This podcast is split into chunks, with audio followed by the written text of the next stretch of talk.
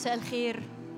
ازيكم ازيكم إيه ده؟ إيه الطاعة دي؟ إيه ده؟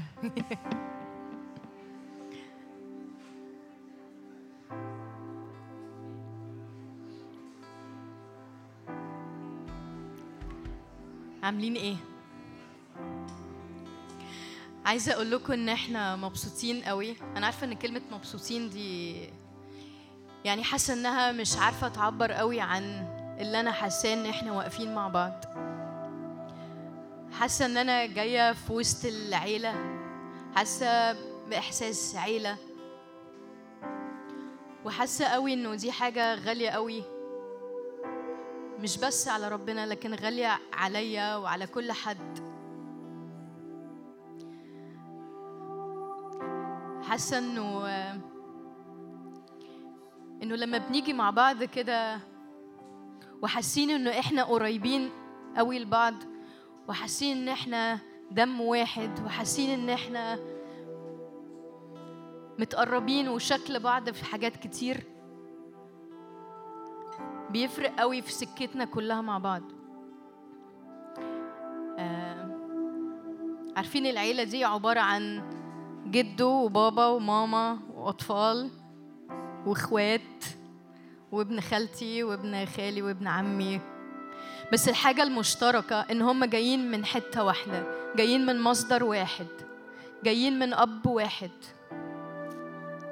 مهما اختلفت الجنريشن والأجيال ابني الصغير أو أخويا الكبير أو جده لكن إحنا جايين من نفس الأب.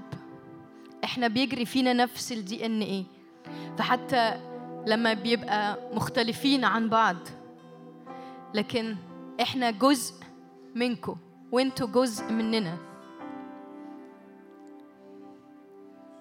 حاسة قوي إنه ربنا بيفرح قوي لما مش بس ناس بتتجمع تعبده لكن لما الناس بتقعد حواليه وتحس إنها هم عيلة واحدة هم جسد واحد. حاسة إنه دي حاجة غالية عليا قوي النهارده. و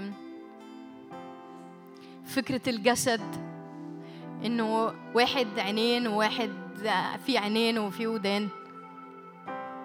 اللي العينين بتشوفه مش هو هو نفسه الودان بتسمعه. فإحنا كلنا جسد واحد وإحنا قاعدين مع بابا. شايفينه في ناس شايفينه وناس سامعينه وناس بتلمسه. لكن كل ده بينقل لنا حاجة واحدة.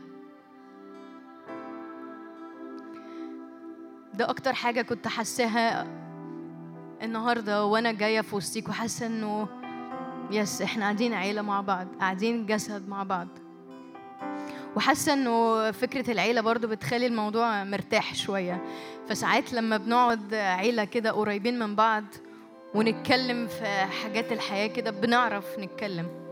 ولو صحاب قريبين قوي من بعض بيحسوا إن هم يعني زي الإخوات زي ما بنقول. فأنا حاسة النهارده إن إحنا يعني بقول يا رب إحنا جايين النهارده كتفنا في كتف بعض. الصغير مع الكبير. اللي مشي مشاوير كتير قوي معاك واللي لسه عارفك واللي لسه هيعرفك.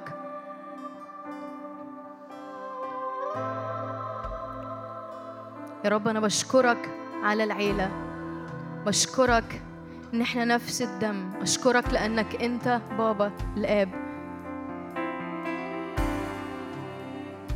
أشكرك.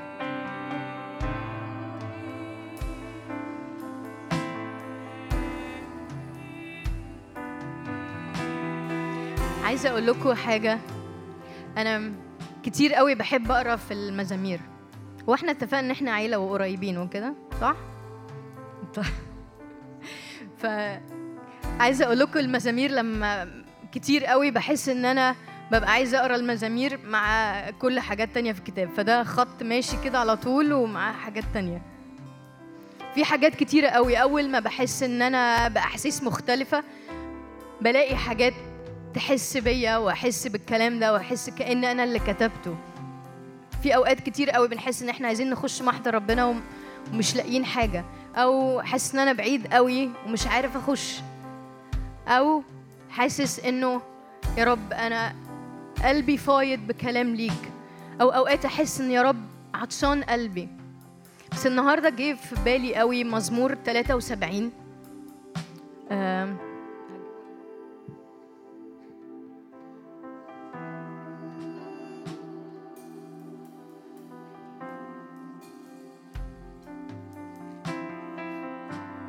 مزمور 73 ده كتبه أساف وكان في الأول بيقول إنما صالح الله لإسرائيل لأنقياء القلب. بعدين قال أما أنا فكادت تزل قدماي. لولا قليل لزلقت خطواتي. واتكلم بعد كده إن هو اتكعبل في حاجات كتير قوي. بس في آية 17 الآية دي بتقول حتى دخلت مقادس العلي. أنا النهاردة قعدت أقول يا رب أنا عايزة ده يبقى عنوان كبير قوي مش بس للنهاردة لكن لأوقات كتير بعد كده. يا رب حتى دخلت مقادس العلي كل حاجة في الحياة كانت ماشية في سكة بس أول ما دخلت مقادس العلي هو شاف حاجة تانية وعينه اتفتحت على الحقيقة وعينه اتفتحت على ربنا واتفتحت على كل حاجة حقيقية. أنا النهاردة ده هو كل اللي جوايا. أقول يا رب حتى دخلت مقادس العلي تيجوا نقف مع بعض. يا رب مهما كنت جاي من أي حاجة في أي حتة. يا رب أنا النهاردة بحط عنوان حتى دخلت مقادس العلي. يا رب بخش مقادس العلي ورا وجهك. يا رب أشوفك. حتى دخلت مقادس العلي. يا رب دخلنا النهارده بدم الحمل. يا رب قبل المقادس يا رب غير أول ما نخش مقادس العلي. بابا جايين يا رب أولادك يا رب جايين متجمعين حواليك يا رب.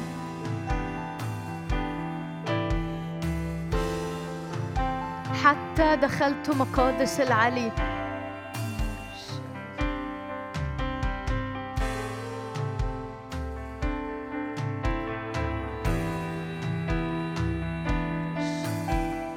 يا رب جايين النهارده نختار ندخل إلى قدس أقداسك يا رب جايين يا رب بنختار يا رب نقف نقف في المكان اللي أنت فيه يا رب نقف في المكان اللي أنت فيه يا رب كتفي يا رب جنب كتف أخويا يا رب جايين يا رب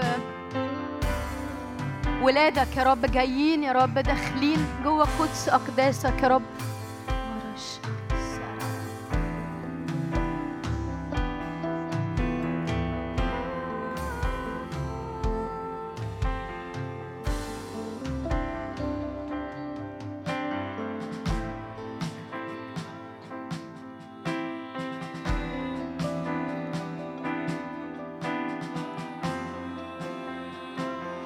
يا رب أنا بدخل بدخل يا رب. بدخل بإرادتي يا رب. بختار يا رب إن أنا أقابلك يا رب لأن أنا مصدق يا رب إن اللي قبل دخول يا رب لقدس أقداسك يا رب غير بعده. يا رب بنختار يا رب نشوفك يا رب. يا رب بنختار يا رب نحط عينينا يا رب عليك. يا رب نحط عينينا عليك يا رب.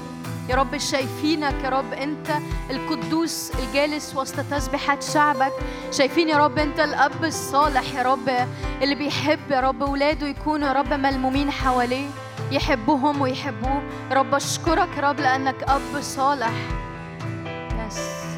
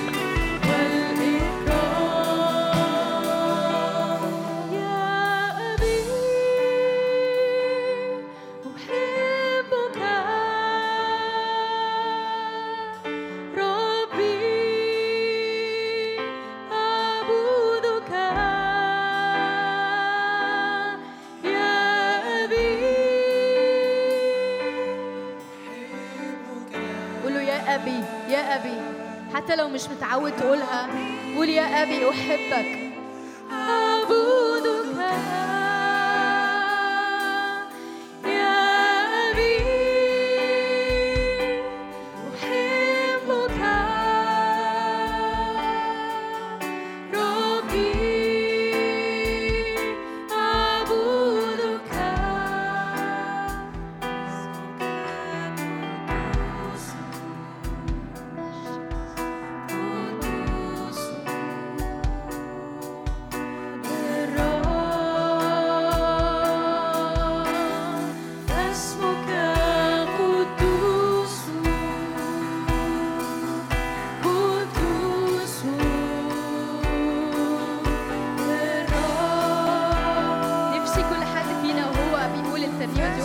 أبي أحبك.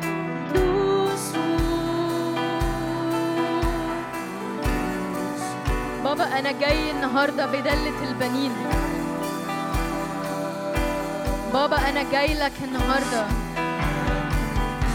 يا أبي أنا جاي عشان أنت بابا.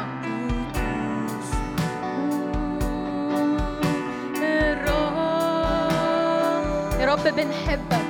يا بابا بنحبك.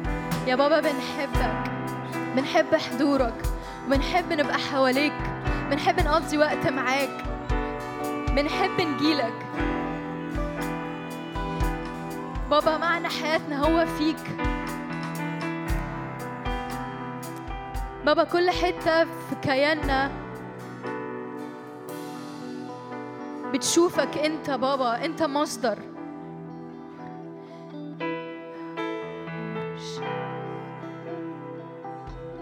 حتى لو مش متعود تقول كده. قول يا روح الله أنت تصرخ فينا بروح التبني. روح التبني أنت بتصرخ فينا. يا ابا الآب يا ابا الآب. يا ابا الآب.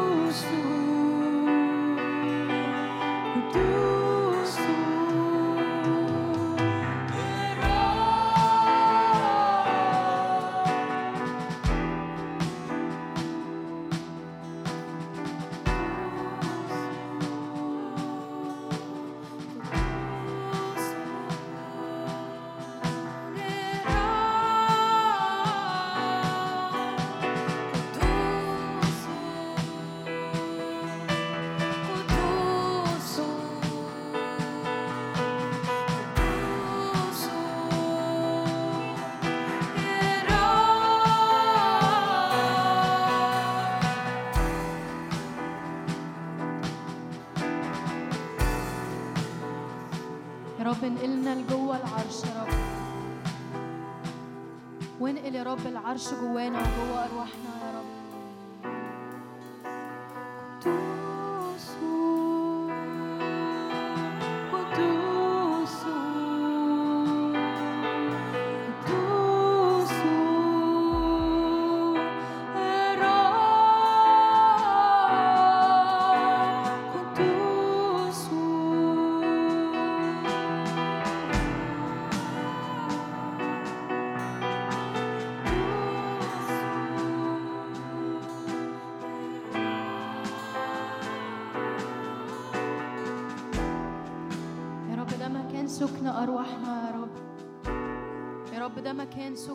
أرواحنا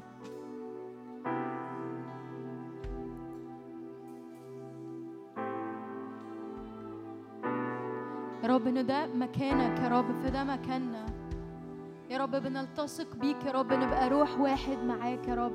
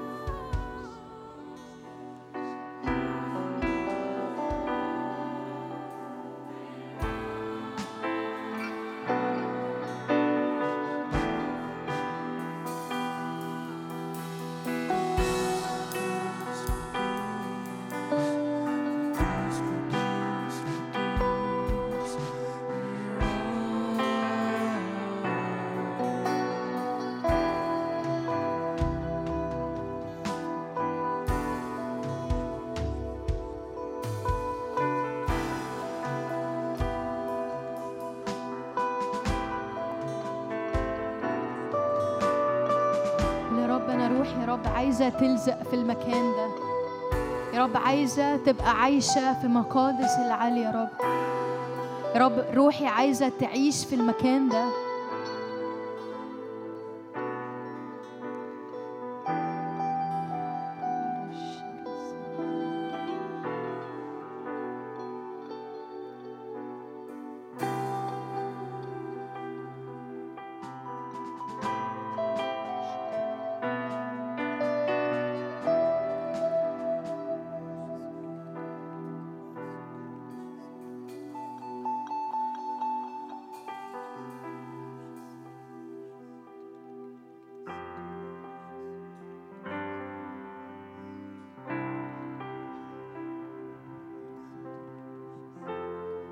لما روحنا يا رب تسكن يا رب. جوة العرش يا رب نلتصق بيك يا رب. يا رب بنعلن يا رب إن مفيش يا رب فواصل بيننا وبينك يا رب. يا رب لما نسكن جوة نار حضورك يا رب. يا رب مفيش حاجة تفصلنا بيننا وبينك يا رب. يا رب بنعلن يا رب إن أرواحنا يا رب مشتاقة لسكناك يا رب. مشتاقة يا رب تسكن يا رب جوه مقادس العلي. يا رب مشتاقة تشوف رؤى القدير. مشتاقة يا رب تسمع صوت العلي. مشتاقة تعيش في المكان ده يا رب. أرواحنا مشتاقة يا رب تبقى ده مكان تواجدها طول الوقت يا رب. يا رب املأ أرواحنا يا رب املأ أذهاننا املأ حتى خيال عقلنا يا رب. يا رب كل حاجة يا رب بكل حاجة في العرش يا رب. يا رب كل حاجة تنزل لينا يا رب. يا رب وإحنا يا رب نبقى ساكنين في المكان ده.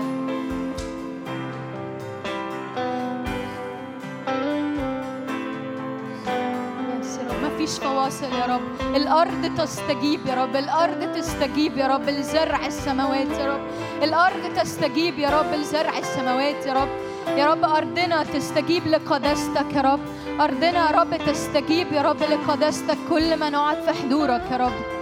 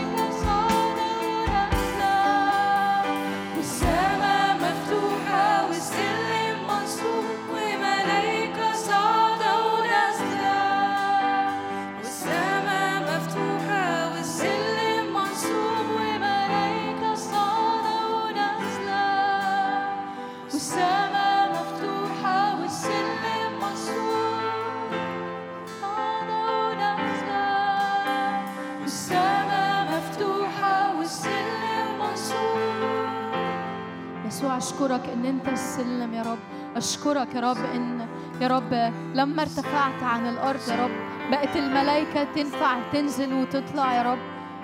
يا رب أشكرك أشكرك يا رب. أشكرك يا رب إن السلم منصوب. أشكرك إن يسوع بدم يسوع بنقدر يا رب ندخل ونخرج ونجد مرعى. يا رب أشكرك عشان يسوع يا رب المصلوب. يا رب بنقدر نخش نخش القدس الأقداس يا رب أشكرك إن ينفع نلتحم بالآب. يا رب أشكرك إن ينفع نكون روح واحد عشان يسوع عشان الدم المسفوك.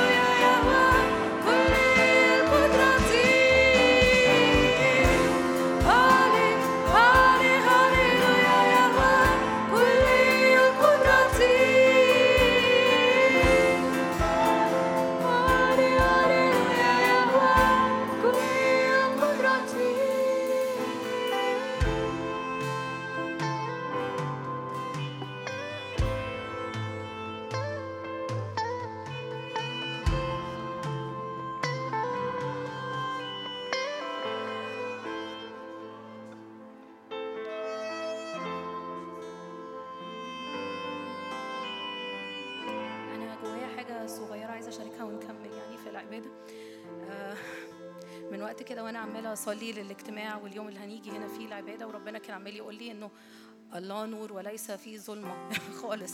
وكنت حاسة يعني إنه إحنا دي حاجة اتعلمناها من وإحنا صغيرين يعني ABC إيمان مسيحي يعني. آه، بس اكتشفت إنه في رحلتي في حياتي مع يسوع كان ممكن أكمل سنين طويلة وعندي حتت كتير ضلمة جوه قلبي أنا مش مدركاها. بسبب حاجات التربية وأنا صغيرة بسبب ظروف حصلت لي بسبب أبواب أنا فتحتها على نفسي بسبب الضلمة اللي أنا شايفاها حواليا. حاسة الوقت ده ممكن يبقى تقيل على ناس كتيرة بسبب الأحداث اللي حاصلة حوالينا وبسبب ضلمة جواهم. ساعات كتير بنيجي قوي أوقات عبادة زي دي آه، شايلين الضلمة وتاكلين بالضلمة وطالعين بالضلمة ومش بنقدر مش بنقدر نفتح نفسنا للآخر عشان النور بتاعه يجي للحتة دي. وكنت حاسة إنه يسوع بيقول لي إنه لما الضلمة دي هي الضلمة دي المكان اللي ما فيهوش نور. يعني هو حتى ملوش تعريف ملوش هوية في حد ذاته يعني. وكان عمال يقول لي إنه كل حتة أنتوا بتفتحوا نفسكم فيها للنور فهي بتكون نور. وحاسة قوي إنه ربنا عايز يقول لناس كتير ما تجوش بالضلمة وتمشوا بالضلمة. وما تجوش عندكم حتت بتخبوها منه لأن هو ما فيش سكة تانية غيره. إن هو يجي يخترق الضلمة اللي جواكم إنه في يسوع ما فيش خزي. هو عارف إن كلنا عندنا ضلمة يعني هو مش متفاجئ. وهو بالعكس هو جه علشان يكون في نور وعلشان اللي بيمشوا وراه لا يسلكوا في الظلمة. إنه ما يبقاش ماشيين إحنا كده زينا زي الناس التانية شايلين أحمال تقيلة. وحاسه انه أوقات العبادة هي إن إحنا نبص على النور. كتير قوي فعلا بندخل بس بنفضل بنلف حوالين نفسنا. هو أنا أصلا إزاي هسبح ده؟ أنا الأسبوع ده كان مش بنفكر في اللي برانا وبنفكر في اللي جوانا. بس هي العبادة إن إحنا نبص على النور ونصدق إنه النور ده هو اللي يقدر يغير الضلمة. النور ده تدور كده جواك تلاقي حصون وظنون و أفكار انتحار وحزن وكآبة وغضب ومرارة غيرة حقد خصام. الحاجات دي بتنفع تدوب كده قدام النور لأنه هي ليها قوة اللي عايش في الضلمة مش هيفهمها غير لما يختبرها. فنفسي وإحنا بروح العبادة كده نكمل نقول له إحنا بنختار نجيب وكأننا بنصرخ بنقول له أنا عارف ان أنا فيا ضلمة بس أنا مش خجلان منك لأن أنت النور. أنا مش يعني هو مش أنا مش شطارتي. أنا ببص على النور بتملي بالنور بقبل عمل النعمة وبقبل النور يدخل في الحتت الضلمة اللي فيا وبصرخ للنور إنه ينتشر في الحتت الضلمة اللي حوالينا. الناس اللي عمالة تموت الحروب الجوع الفقر. يعني بس ما ننحصرش في الضلمة. ما نديهاش قيمة أعلى من حقيقتها. نركز على النور والنور ده قوي. النور ده مش حاجة ضعيفة. لأن هو شخصه هو يعني حاجة لفتت انتباهي قوي إنه يسوع لما جاي يتكلم لما يوحنا جاي يتكلم عن يسوع أول شرح ليه النور يعني في يوحنا واحد كل كلامه عن يسوع بيوصفه إنه النور قعدت كتير كده الوقت اللي فات عمالة أقرأ آيات عن النور. كأني أول مرة أشوف العمق بتاع إدراكنا إنه يسوع نور وإنه ليس فيه ظلمة البتة وإنه الضلمة مش هتقوى على النور. فعايزين نكمل عبادة وعايزين نكمل تسبيح بس عايزين نفتح قلوبنا للآخر وعايزين ننسى نفسنا ونبص على النور ونقبل عمله في جوانا يا رب إحنا بنشكرك لأنك نور يا رب نشكرك يا رب لأنه أنت يا رب بس اللي بتغلب الضلمة يا رب اللي فينا يا رب اللي حوالينا يا رب نشكرك لأنه الضلمة مش بتخوفك مش مش بتهددك يا رب إحنا بنصدق يا رب انه كل قوة ضلمة فينا وكل قوة ضلمة حوالينا يا رب انت تقدر تيجي بنور يا رب. يا رب بنسمي الحاجة بسميها يا رب نسمي الغيرة غيرة. بنصلي الخوف خوف. يا رب بنسمي الكآبة كآبة. بنسمي الأفكار الشريرة اللي جوه قلبنا اللي بتخبطنا إنها موجودة. إحنا مش مش خجلانين. مش خجلانين نجيبها قدامك لأنك أنت نور. يا رب تعالى بنورك يا رب. يا رب لتضيء بنور وجهك علينا. يا رب لتضيء بنور وجهك علينا. يا رب تعالى نور في كل حتة ضلمة جوانا. نور في كل حتة ضلمة جوانا. يا رب وكمان أنا مش بس بجيب نفسي. يا رب أنا بجيب إخواتي. يا رب بجيب الناس اللي حواليا كمان اللي أنا عارفة. يا رب إن هم جواهم ضلمه يا رب ومشتاقين إنه تتقابل معاهم وتلمسهم في حتت عميقة قوي وجعاهم. يا رب إحنا مش بنيجي بخزي إحنا مش بنيجي بخجل إحنا مش بنيجي كده وأقول إزاي أنا مؤمنة بقالي سنين ولسه بصارع مع ده أو بتحارب مع ده. يا رب لكن أنا باجي بقلب متضع يا رب وبصدق إنه أنت النور يا رب. أنت اللي تقدر تلمس كل حتة ضلمة فيا. يا رب باجي وأنا قلبي حزين يا رب على الحاصل حوالينا لكن بقول يا رب أنا شايفاك انت النور يا رب وانت اللي تقدر تقدر تغلب. انت تقدر تغلب كل ضلمة حوالينا يا رب.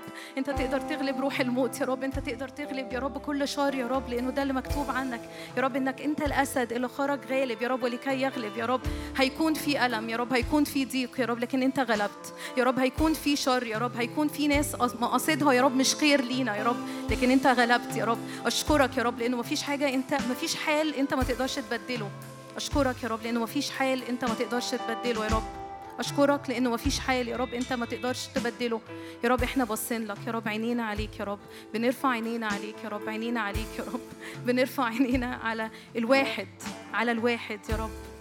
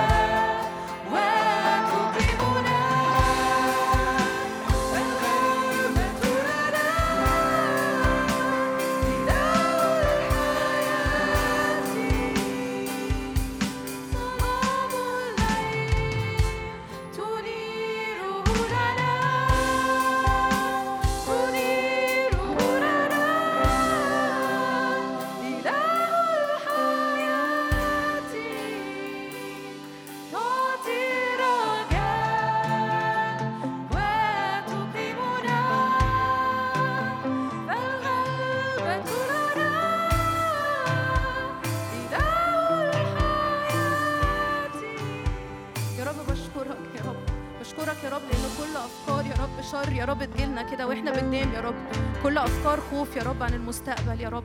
كل أفكار يا رب إنه حياتنا ملهاش قيمة. يا رب بشكرك يا رب لأنه الأفكار دي يا رب تكون كالعدم يا رب. تكون كالعدم يا رب. أجي أدور كده على الأفكار دي وما ألاقيهاش يا رب. لأنه النور نور في ذهني. يا رب أصلي يا رب إنه كل تقل يا رب. ناس كتير شعره بيه يا رب. الايات تقيلة يا رب. الايات مش بتعدي يا رب. كل يا رب إحساس إنه أنا تايه. يا رب أشكرك لأنه المشاعر دي ينفع. لا تكون يا رب تكون كالعدم يا رب. حقيقي يا رب نبحث عنها ولا نجدها يا رب. مش بصلاحنا مش ب... مش بالاجتهاد بتاعنا لكن لأنه النور ينور يا رب. بشكرك يا رب لأنه محبتك يا رب أقوى من كل موت يا رب. محبتك أقوى من الحزن محبتك أقوى من الخوف. يا رب أشكرك لأنه محبتك قوية. يا رب تخترق يا رب تخترق يا رب تخترق يا رب بتخترق يا رب بنعلن إيماننا. يا رب إنه محبتك تخترق يا رب أسوار كتير. يا رب النهارده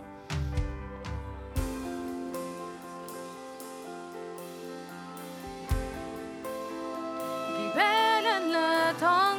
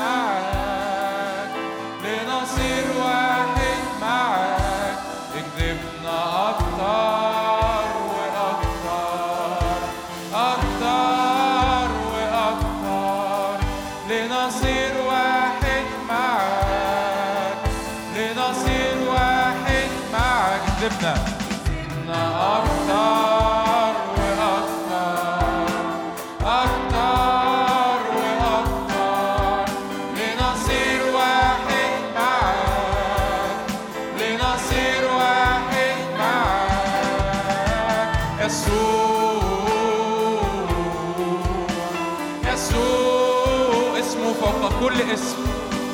يسوع اسمه منتصر اسمه غالب. اسمه قوة في اسم يسوع. يسوع اسم يرعب الظلام في اسم يسوع. في اسم يسوع اسم غالب. هللويا. اسم غلبة. اسم قوة اسم قيامة اسم انتصار. اسم هللويا فداء وخلاص. هللويا يسوع. يسوع. É sua, é sua, é sua, é, é sua, é sua, é sua, é sua.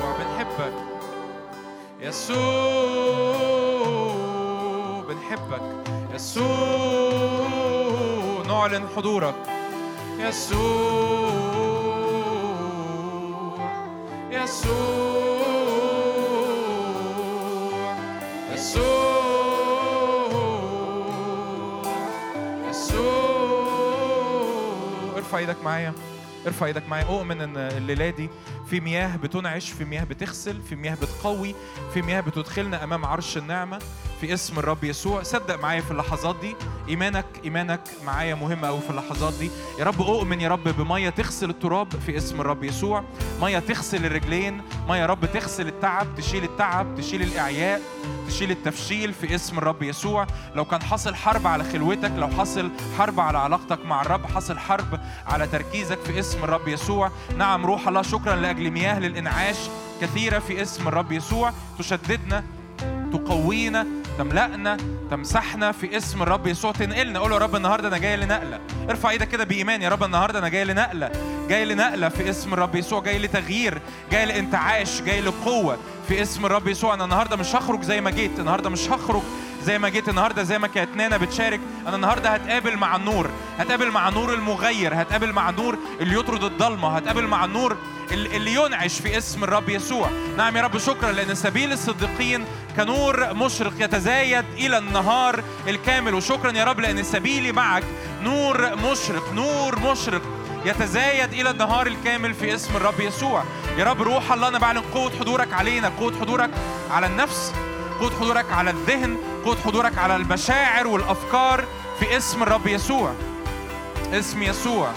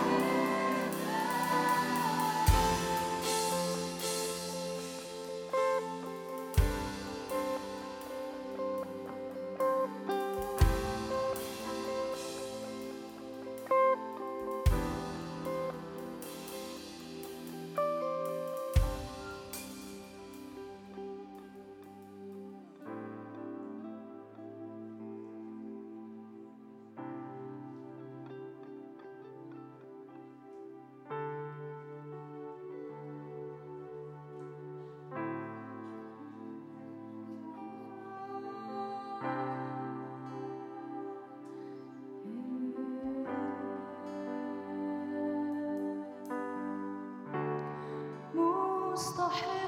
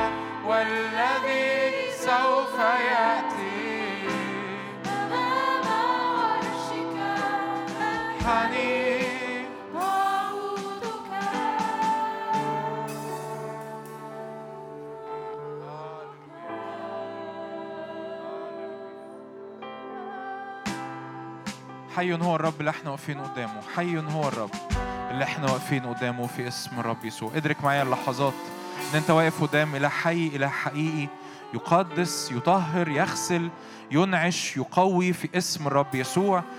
بإيمان كده اعلن في اسم الرب يسوع كل روح تفشيل في اسم الرب يسوع كل أفكار فشل في اسم الرب يسوع كل شكاية مرمية في اسم الرب يسوع كل كلمات دينونة في اسم الرب يسوع كل خزي أشعر به في اسم الرب يسوع في اسم الرب يسوع. أنا بعلن أن الرب هو بري هللويا الرب هو بري الرب هو بري في اسم يسوع. أنا كامل أنا مطهر أنا مقدس في الدم في اسم الرب يسوع.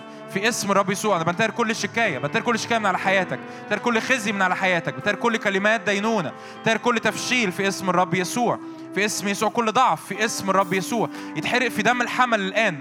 في اسم الرب يسوع. يتحرق في دم يسوع المسيح الآن. في اسم الرب يسوع. يتحرق في دم يسوع المسيح الآن. في اسم الرب يسوع. هللويا. الكتاب بيقول كده بل اغتسلتم بل تقدستم بل تبررتم. هللويا. أشكرك يا رب لأنك بتغسلني بدمك. أشكرك لأنك تقدسني بدمك. أشكرك لأنك تبررني بدمك في اسم الرب يسوع. هللويا. هللويا. هللويا. هللويا.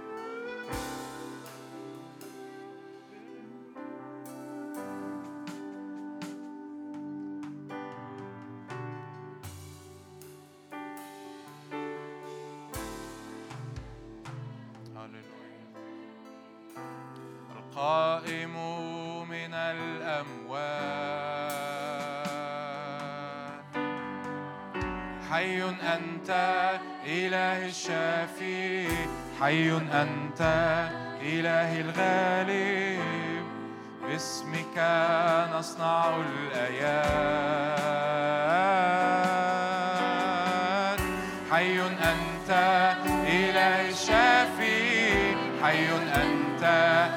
إله الغالب من الأموات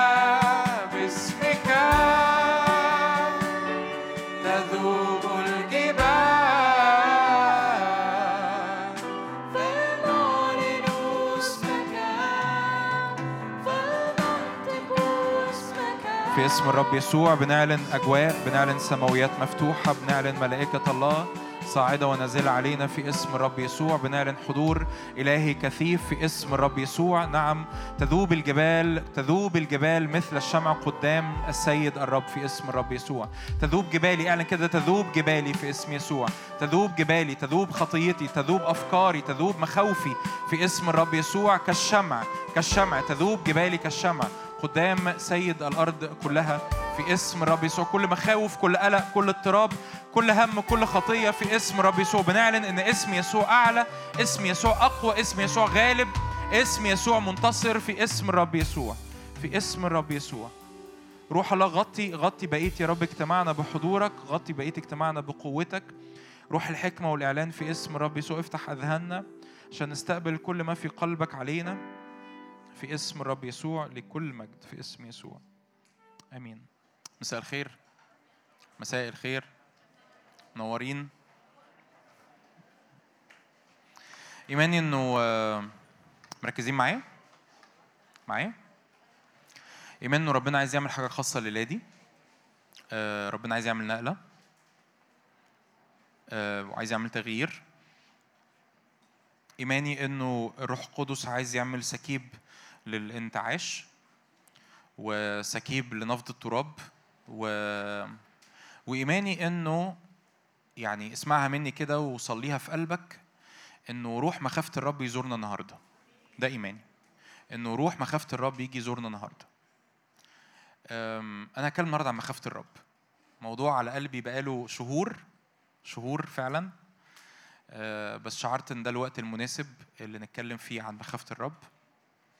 ولو انت ملاحظ ولو انت من الشخصيات اللي بتركز في الاجتماعات أو بترجع تسمع الوعظات تاني بعد ما بننزلها إحنا بقالنا تقريبا مرتين. المرة اللي قبل اللي فاتت كنا بنحكي عن دانيال وبنحكي عن انفصال دانيال وكنا بنحكي إن دانيال كان غريب وبالرغم إنه كان في بابل لكن هو اختار إنه يعيش غريب ويعيش منفصل. الأسبوع اللي فات كان رامي سامي معانا كان بيكلمنا عن الحكمة وفي الآخر وصلنا إنه بدء الحكمة هو إيه؟ مخافة الرب وإزاي إنه سفر الأمثال كله وكأن في مقارنتين كبار ما بين الحكمة والمخافة أو الجهل والخطايا الجنسية تحديدا أو الخطية عموما. و... ومن أغلى الحاجات الحقيقة اللي نتعلمها وإحنا في سن صغير حقيقي. من أغلى الحاجات اللي نتعلمها وإحنا في سن في سن صغير هو إننا نخاف الله. إنه يتكون فينا حاجة اسمها مخافة الرب اللي هنحكي عنها النهارده. بالتفصيل لو لو انت مش فاهم يعني إيه مخافة الرب فما تقلقش هحكي بالتفصيل يعني إيه مخافة الرب. بس يتكون من في في قلوبنا وفي داخلنا من وإحنا صغيرين ال- السمة دي اللي اسمها مخافة الرب ولما يتكون من وإحنا صغيرين السمة دي اللي اسمها مخافة الرب نلاقي إنه حياتنا كلها في المستقبل من وإحنا صغيرين لحد ما نشيخ ولحد ما نكبر في السن ونبقى جدود وجدات وعندنا أحفاد وكل ده. السمة الأساسية بتاعتها إن حياتنا وقراراتنا واختياراتنا متغطية بحاجة اسمها مخافة الرب. فالقرارات تبقى سهلة. الاختيارات تبقى سهلة. تقول لي مخافة الرب تخلي القرارات سهلة؟ آه جدا جدا. صدقني 90% 90% من اختياراتنا اللي أنت محتار فيها إجابتها مخافة الرب. يعني لو أنت عارف ماذا تعلم مخافة الرب وماذا تعلم وصية الرب هتلاقي إنه اختياراتك بقت سهلة. أحب ولا أكره؟ أغفر ولا ما أغفرش؟ أتقدس ولا لا؟ أدخل في العلاقة دي ولا لا؟ أشتغل الشغلانة دي ولا لا؟ ألتوي شوية ولا ما ألتويش؟ أكذب ولا ما أكذبش؟ أحب الفلوس ولا ما أحبهاش؟ تلاقي حاجات كتير قوي حسمت لمجرد لمجرد إن أنت كونت في داخلك السمة اللي اسمها مخافة الرب. وإحنا النهارده هنتكلم عن مخافة الرب. ومن سفر غالي قوي قوي في الكتاب المقدس اسمه سفر ملاخي. هنقرأ منه آيات كتير النهارده. تعالوا نفتح مع بعض. ملاخي اصحاح واحد. ملاخي هو آخر سفر من اسفار العهد القديم. من بعديه ال- الوحي الإلهي سكت لمدة تقريبا 400 سنة. الرب ما بعتش أنبياء لمدة 400 سنة إلى أن جاء يوحنا المعمدان فملاخي هو آخر سفر في العهد القديم. مش عايز أعمل دراسة كتاب يعني عن ملاخي. بس ملاخي بيوضح حاجة مهمة قوي قوي وكأن وكأن آخر حاجة الرب قالها قبل ما يسكت وكأن آخر حاجة الرب قالها قبل ما يسكت يقول لهم أنا بسكت لأنه أنتوا ما بتعيشوش في مخافة الرب.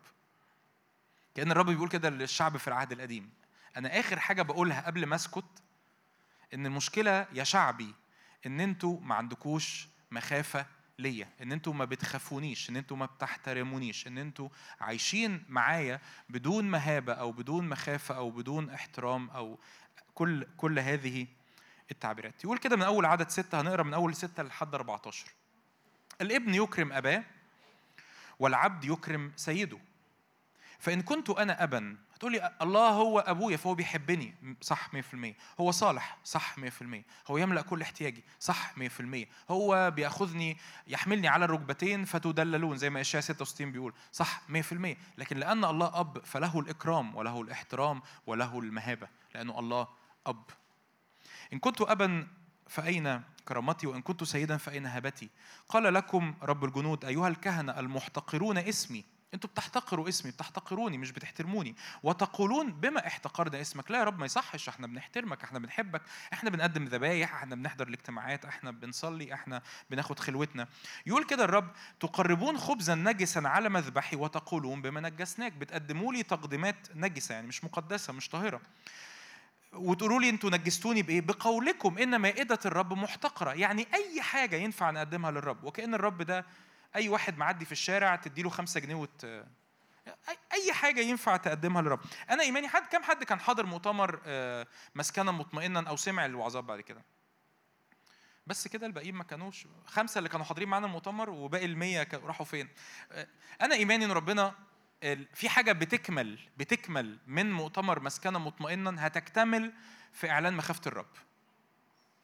ايماني إنه في حاجة بتكتمل في المؤتمر في الإعلان ده. إن الرب يسكن وسطينا بحريته لما يطلع جوانا حاجة ليها علاقة بمخافة الرب.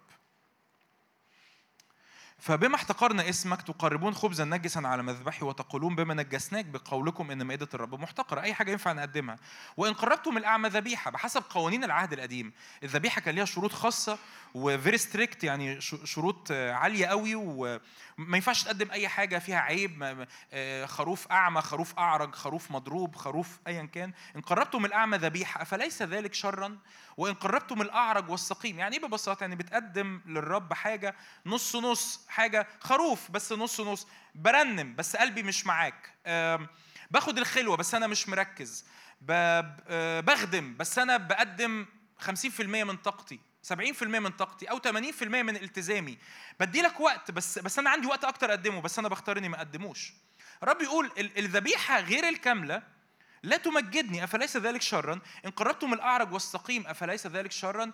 ادرك معايا إن ربنا عايز ينقلنا لأنه لأنه إدراك مخافة الرب في جيلنا وإدراك روح مخافة الرب بينقلك أنت شخصيا في اختبار إلهي أنت ما اختبرتوش قبل كده. لأن الر- الرب يقول كده سر الرب لخائفيه.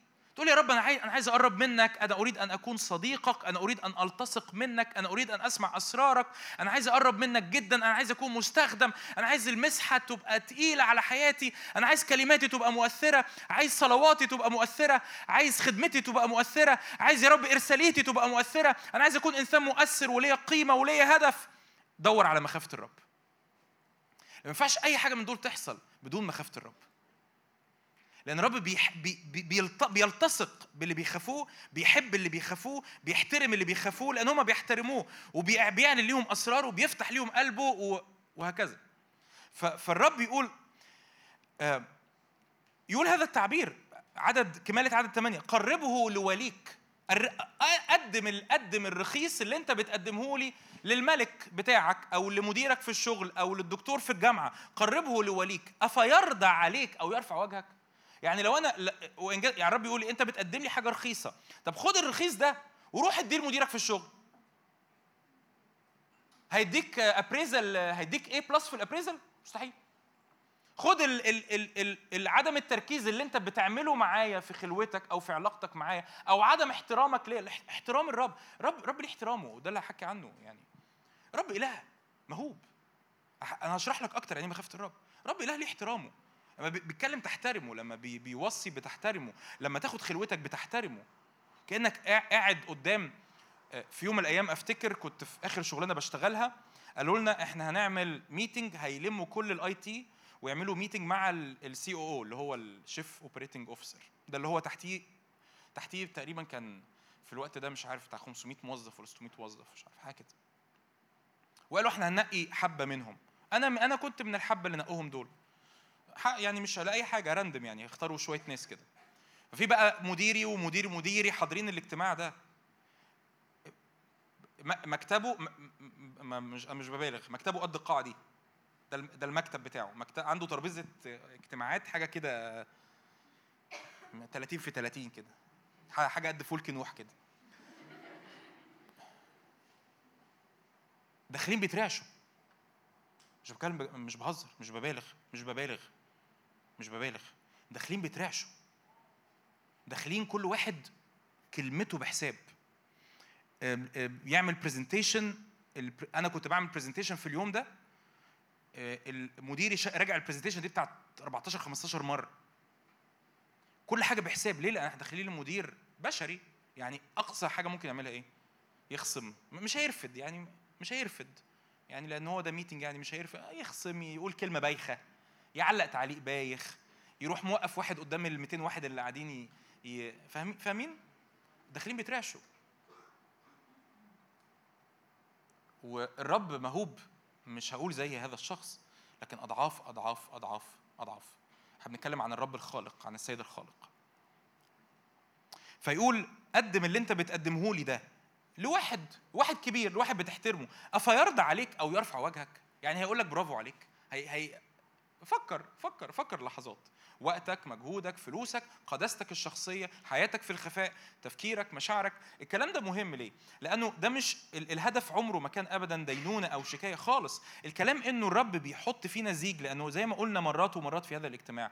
إحنا الاجتماع ده أكيد مش زي أي اجتماع شباب تاني ممكن تحضره في أي حتة تانية. يعني مش مش لأي حاجة. في حاجة خاصة ربنا بيعملها. في حاجة خاصة وعشان كده أنت بتيجي. أعتقد كده يعني. في حاجة خاصة ربنا بيعملها وبيشكلها في قوانينا وبيطلقنا فيها وبيغيرنا و... ف فان إن يبقى جيل شاب. أنا عارف في ناس هنا في إعدادي في ناس هنا في ثانوي. فتبقى أنت من إعدادي أو تبقى أنت من ثانوي أو تبقى أنت من جامعة. و... والنهاردة افتكر فاكر إنه في يوم 12 نوفمبر 2023 إن اتقابلت مقابلة مع روح مخافة الرب. إدراك إن الرب إله محترم يستحق الإحترام. أنا أبويا لحد النهارده أنا ما بعملش كده بس أبويا لحد النهارده لما بيصلي بيقول للرب حضرتك. ما أعرفش ليه بس بيقول حضرتك. الرب إله محترم يستحق الاحترام يستحق التقدير يستحق السجود عند قدميه يستحق إني أخافه يستحق إني آجي قدام في وشي في الأرض قدامه. مش لأنه هيعضني مش لأنه مش قريب مني هو قريب مني في المسيح يسوع لكن بالرغم إنه قريب مني زي ما هحكي كمان شو كمان شوية هو هو مختلف خالص هو قدوس قدوس قدوس. قدوس يعني مختلف أنتوا عارفين كده؟ عارفين عارفين قدوس يعني إيه؟ قدوس مش معناه إن هو بلا شر أو بلا خطية ده صح. بس قدوس يعني يعني منفصل هو مش زينا. ده, ده معنى كلمة قدوس. يعني لو عايز تعرف ما هي معنى كلمة قدوس قدوس يعني يعني إيه؟ مش زينا. هو بيسموها كده التعبير the otherness of God. the otherness of God. otherness يعني ربنا هو هو واحد تاني. هو هو حاجة كده إحنا مش مش هو مش ملاك هو مش حيوان هو مش مش طير هو مش شجرة هو مش إنسان هو مش ملك مش إنسان حتى لكنه ملك عظيم. هو كائن حاجة كده عجيبة جدا جدا والإله ده قرر هو قرر إنه يقرب مننا. لكن بالرغم إنه قرر إنه يقرب مننا إلا إنه يظل إله مهوب جدا. مرعب مرعب حقيقي. اللي تقابله اللي شافوا الرب على حقيقته على حقيقته في العهد القديم وفي العهد الجديد عرفوا يعني إيه مخافة الرب. كلنا سمعنا أعتقد تع- تعريف مخافة الرب بتاع مدارس أحد. مخافة الرب هو إنك تخاف على زعله. أنا آسف هذا ليس تعريف كتابي. ده تعريف مدارس أحد. كنا بنقول لك في مدارس أحد عشان أنت كنت في مدارس أحد. مخافة الرب ليس هو أن تخاف على زعل الرب. مخافة الرب هو خوف الرب. إن في إن في إن في نوع من أنواع أبونا متى المسكين مثلا يحكي عن إنه العلاقة المسيحية لا تستقيم إلا بالتوازن ما بين المحبة والمخافة. وده اللي بيحصل. لو لو أنا خايف فقط من الرب وكأن الرب هينزل النار ويحرقني فأنا مش هقدر أقرب منه صح؟ صح ولا إيه؟ وعلى النقيض لو أنا لو أنا بس إنجاز التعبير بتعامل مع ربنا وكأني وكأني بتعامل مع واحد صاحبي وكل صورة ربنا في ذاته لي طب ما الرب صاحبي؟ أيوه الرب صاحبي. بس ربنا مش بس صاحبي. ربنا مش ب... لأن صاحبي ممكن أخرج أشيش معاه. لأن صاحبي ممكن أخرج أسكر معاه. لأن صاحبي ممكن نخرج نعاكس بنات مع بعض. ربنا مش هيجي مش هيجي معاه المشوار ده. فربنا مش بس صاحبي. ربنا مش بس القريب مني. رب قريب مني جدا جدا لكنه إله في نفس الوقت مخوف جدا جدا. أكتر صفة اتقالت على الرب في الكتاب المقدس كله مش إنه محب ومش إنه صالح أكتر صفة أكتر صفة لزقت في اسم الرب على طول الكتاب المقدس كله إنه قدوس. وادرس ورايا أكتر صفة لزقت في اسم الرب على طول الكتاب المقدس عهد قديم وعهد جديد إنه إنه إيه؟ إنه إيه؟ يعني إيه قدوس؟ مختلف منفصل عالي. هو- في حتة تانية. هو في حتة تانية. هو قرب لي بس هو في حتة تانية. أنا لو لو شفته لو شفته على حقيقته لو شفت حجمه لو شفت مش هقدر أشوف كل جوهره هو في حتة تانية. فالآن يقول كده الآن تردوا وجه الله فيترأف علينا؟ هذه كانت من يدكم. هل يرفع وجهكم؟ قال الرب. الرب يعني هيكرمكم مش هيكرمكم. عدد عشرة. بص الرب يقول إيه؟ رب رب متضايق. أنا أنا شاعر إنه في نقلة ربنا عايز يعملها بقالنا يعني أنا حاسس كده. أتمنى إن يكون البعض مدرك اللي اللي أنا بقوله ده. حاجة ابتدت من أسبوعين وشاعر إنه في حاجة لازم تكتمل النهارده. يعني في حاجة ربنا عايز يعملها وسطينا. وأنا شاعر إنه يعني كلام ما بي... كلام ما حدش بيقوله قوي في الاجتماعات بس أنا هقوله. وكأن في اختراقه مش كاملة وسطينا. أنا شاعر كده. بقى لي حدين.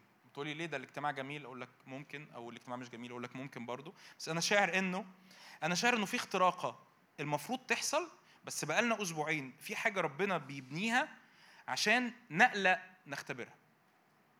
النقلة دي مرتبطة بمخافة الرب جوانا.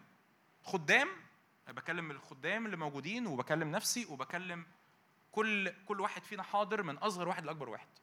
في حاجة ليها علاقة بإدراك حضور الله.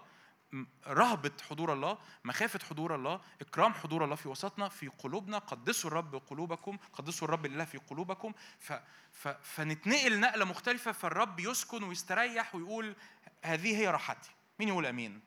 أمين يا رب. من منكم يغلق الباب؟ الرب يقول للشعب في العهد القديم أبوس إيديكم اقفلوا باب الهيكل. تخيل تخيل تخيل الرب يوصل لهذه الدرجة. من فيكم يغلق من منكم يغلق الباب؟ اقفلوا الباب. مش ما تخشوش الهيكل. ليه يا رب؟ بت- بتخشوا ما بتعملوش حاجة. بتخشوا بت بتنجسوه. من منكم يغلق الباب؟ بل لا تقودون على مذبحي مج... وارجوكم بطلوا تقدموا ذبائح باطلة. مجانا يعني باطلة. يعني الكتاب قال كده هذا الشعب يكرمني بشفتيه أما قلبه فمبتعد.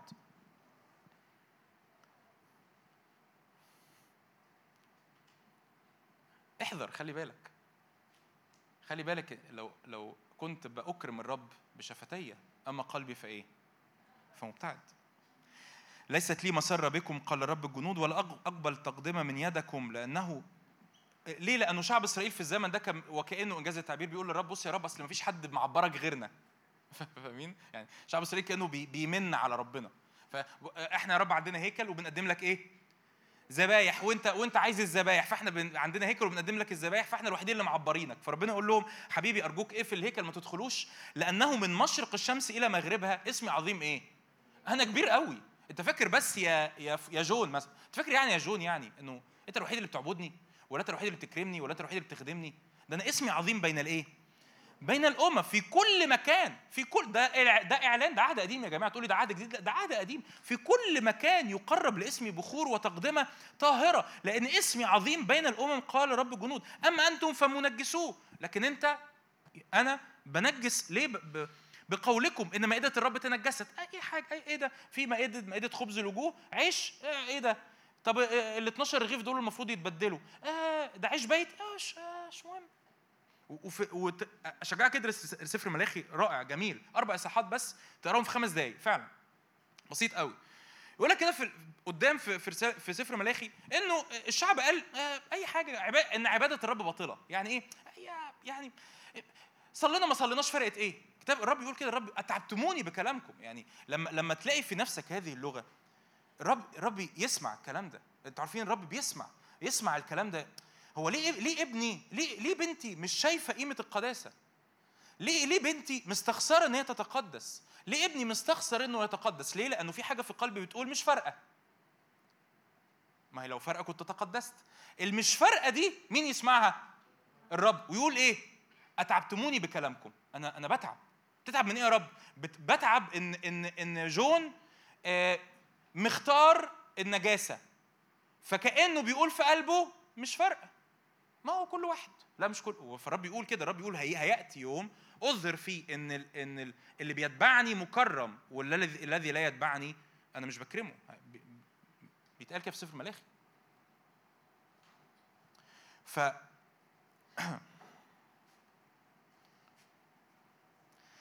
بقولكم مائة الرب تنجست ثمرتها محتقر طعامها. قلتم ما هذه؟ بص بص الآيات دي إيه؟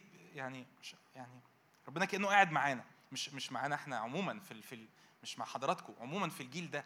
ما هذه المشقة؟ وقلتم إيه؟ ما هذه المشقة؟ وإيه؟ وتأففتم عليه قال رب جنود. أوف إيه يعني تأففتم؟ أوف آه. لازم يعني آخد خلوتي؟ أوف لازم يعني أرنم؟ أوف لازم يعني أصلي؟ أوف لازم يعني ألتزم؟ أهو أهو 2023 أهو كتاب الكلام ده مكتوب من من 2400 سنة. إن إيه إن اتيتيود أو اتجاه الشعب إنه إيه ما قلتم هذه الإيه المشقة. لا لا صح تقيل تقيل على قلبي. أفتح أقرأ صح في, ال- في اليوم. أوف. لازم يعني لازم يعني أدرس الكتاب لازم يعني أتلمذ لازم يعني أعبد لازم يعني أحب الرب لازم يعني أنفصل لازم يعني طب أنا ماشية مع ولد لازم أسيبه؟ طب أنا ماشية مع لازم أسيبها؟ طب أنا بتفرج مش... لازم لازم أقفل المش عارف إيه لازم أمسح مش عارف إيه. أوف. ما هذه الإيه؟ ما ده تبعية ربنا متعبة قوي ما هذه الإيه؟ المشقة وتأففتم عليه. الرب يقول ده, ده متعب ليا. وخلي بالك الرب عمره يعني الرب مش مستفيد حاجة. ده ده الغريب أو ده العجيب. إن الرب مش يعني مش مش خسران أي حاجة. يعني مش خسران غير إن هو بيحبنا. يعني مش يعني هو هو الأب اللي بيحب ابنه يكون ناجح وشاطر ومقدس وعلاقاته مظبوطة. فهو الحاجة الوحيدة اللي بيخسرها إن قلبه موجوع علينا. لكن هو في حد ذاته ما بينقصش. ده عجيب. يعني لازم مهم قوي وانت بتبص على الأمور دي إنك. إنك عينيك تبقى مدركة ده إن الرب الرب مش خسران حاجة. لما الرب بيقول لك تقدس لما الرب بيقول لك اقرأ الكتاب المقدس أنا لما بقرأ الكتاب المقدس هو مش بيستفيد منه يعني. لما بيسمعني بوعظ هو مش بيستفيد حاجة. لما أنا بدرس الكتاب المقدس هو مش بيلقط معلومة جديدة. هو فاهمين أقصد إيه؟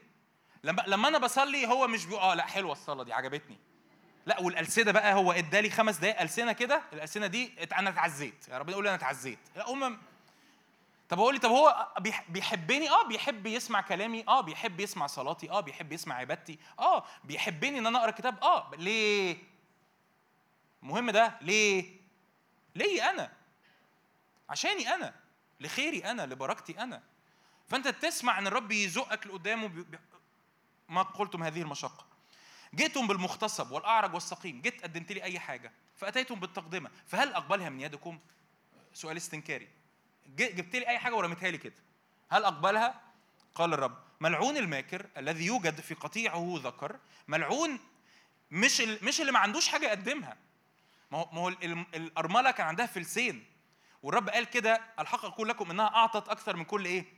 هؤلاء فتقول لي ده كل اللي قادر أعمله إني أقرأ نص اصحاح في اليوم. أقول لك لو ده كل اللي قادر تعمله فالرب يراه كثير. لو كل اللي قادر تعمله إنك بتخدم خمس دقائق إنك إنك بتدي عشور نص جنيه الرب شايفه عظيم. لكن المشكلة فين؟ الماكر الذي يوجد في قطيعه ذكر اللي عنده كتير وينذر ويذبح للسيد إيه؟ عائبا يعني هو عنده عنده خروفين خروف قوي خروف متين خروف متسمن وخروف تاني بيعرج. إيه إيه ما يعني طب ما عندي عزومة بعد بكرة. هات هات يا ابني الخروف اللي بيعرج ده. هو ربنا كبير. أوقات بنتعامل مع ربنا كده. آه ربنا كبير ما ربنا مقدر الظروف. فرق بين إن ربنا مقدر الظروف وإن الرب يرى تقدمتي غالية لكن في نفس الوقت إن قلبي آه، في تقدمة مش كاملة. لأني أنا ملك عظيم قال رب الجنود واسمي مهيب بين الأمم. الله أب له كرامة الله سيد له مهابة. الله مش مسرور بالممارسات أو العبادات اللي بتقدم ليه بدون مخافة أو إكرام أو تقدير. الكتاب بيقول كده. الله يسكن وده ده اللي أنا عايز أروح له. الله يسكن وسط شعب بيحترمه بيكرم حضوره وبيخافه.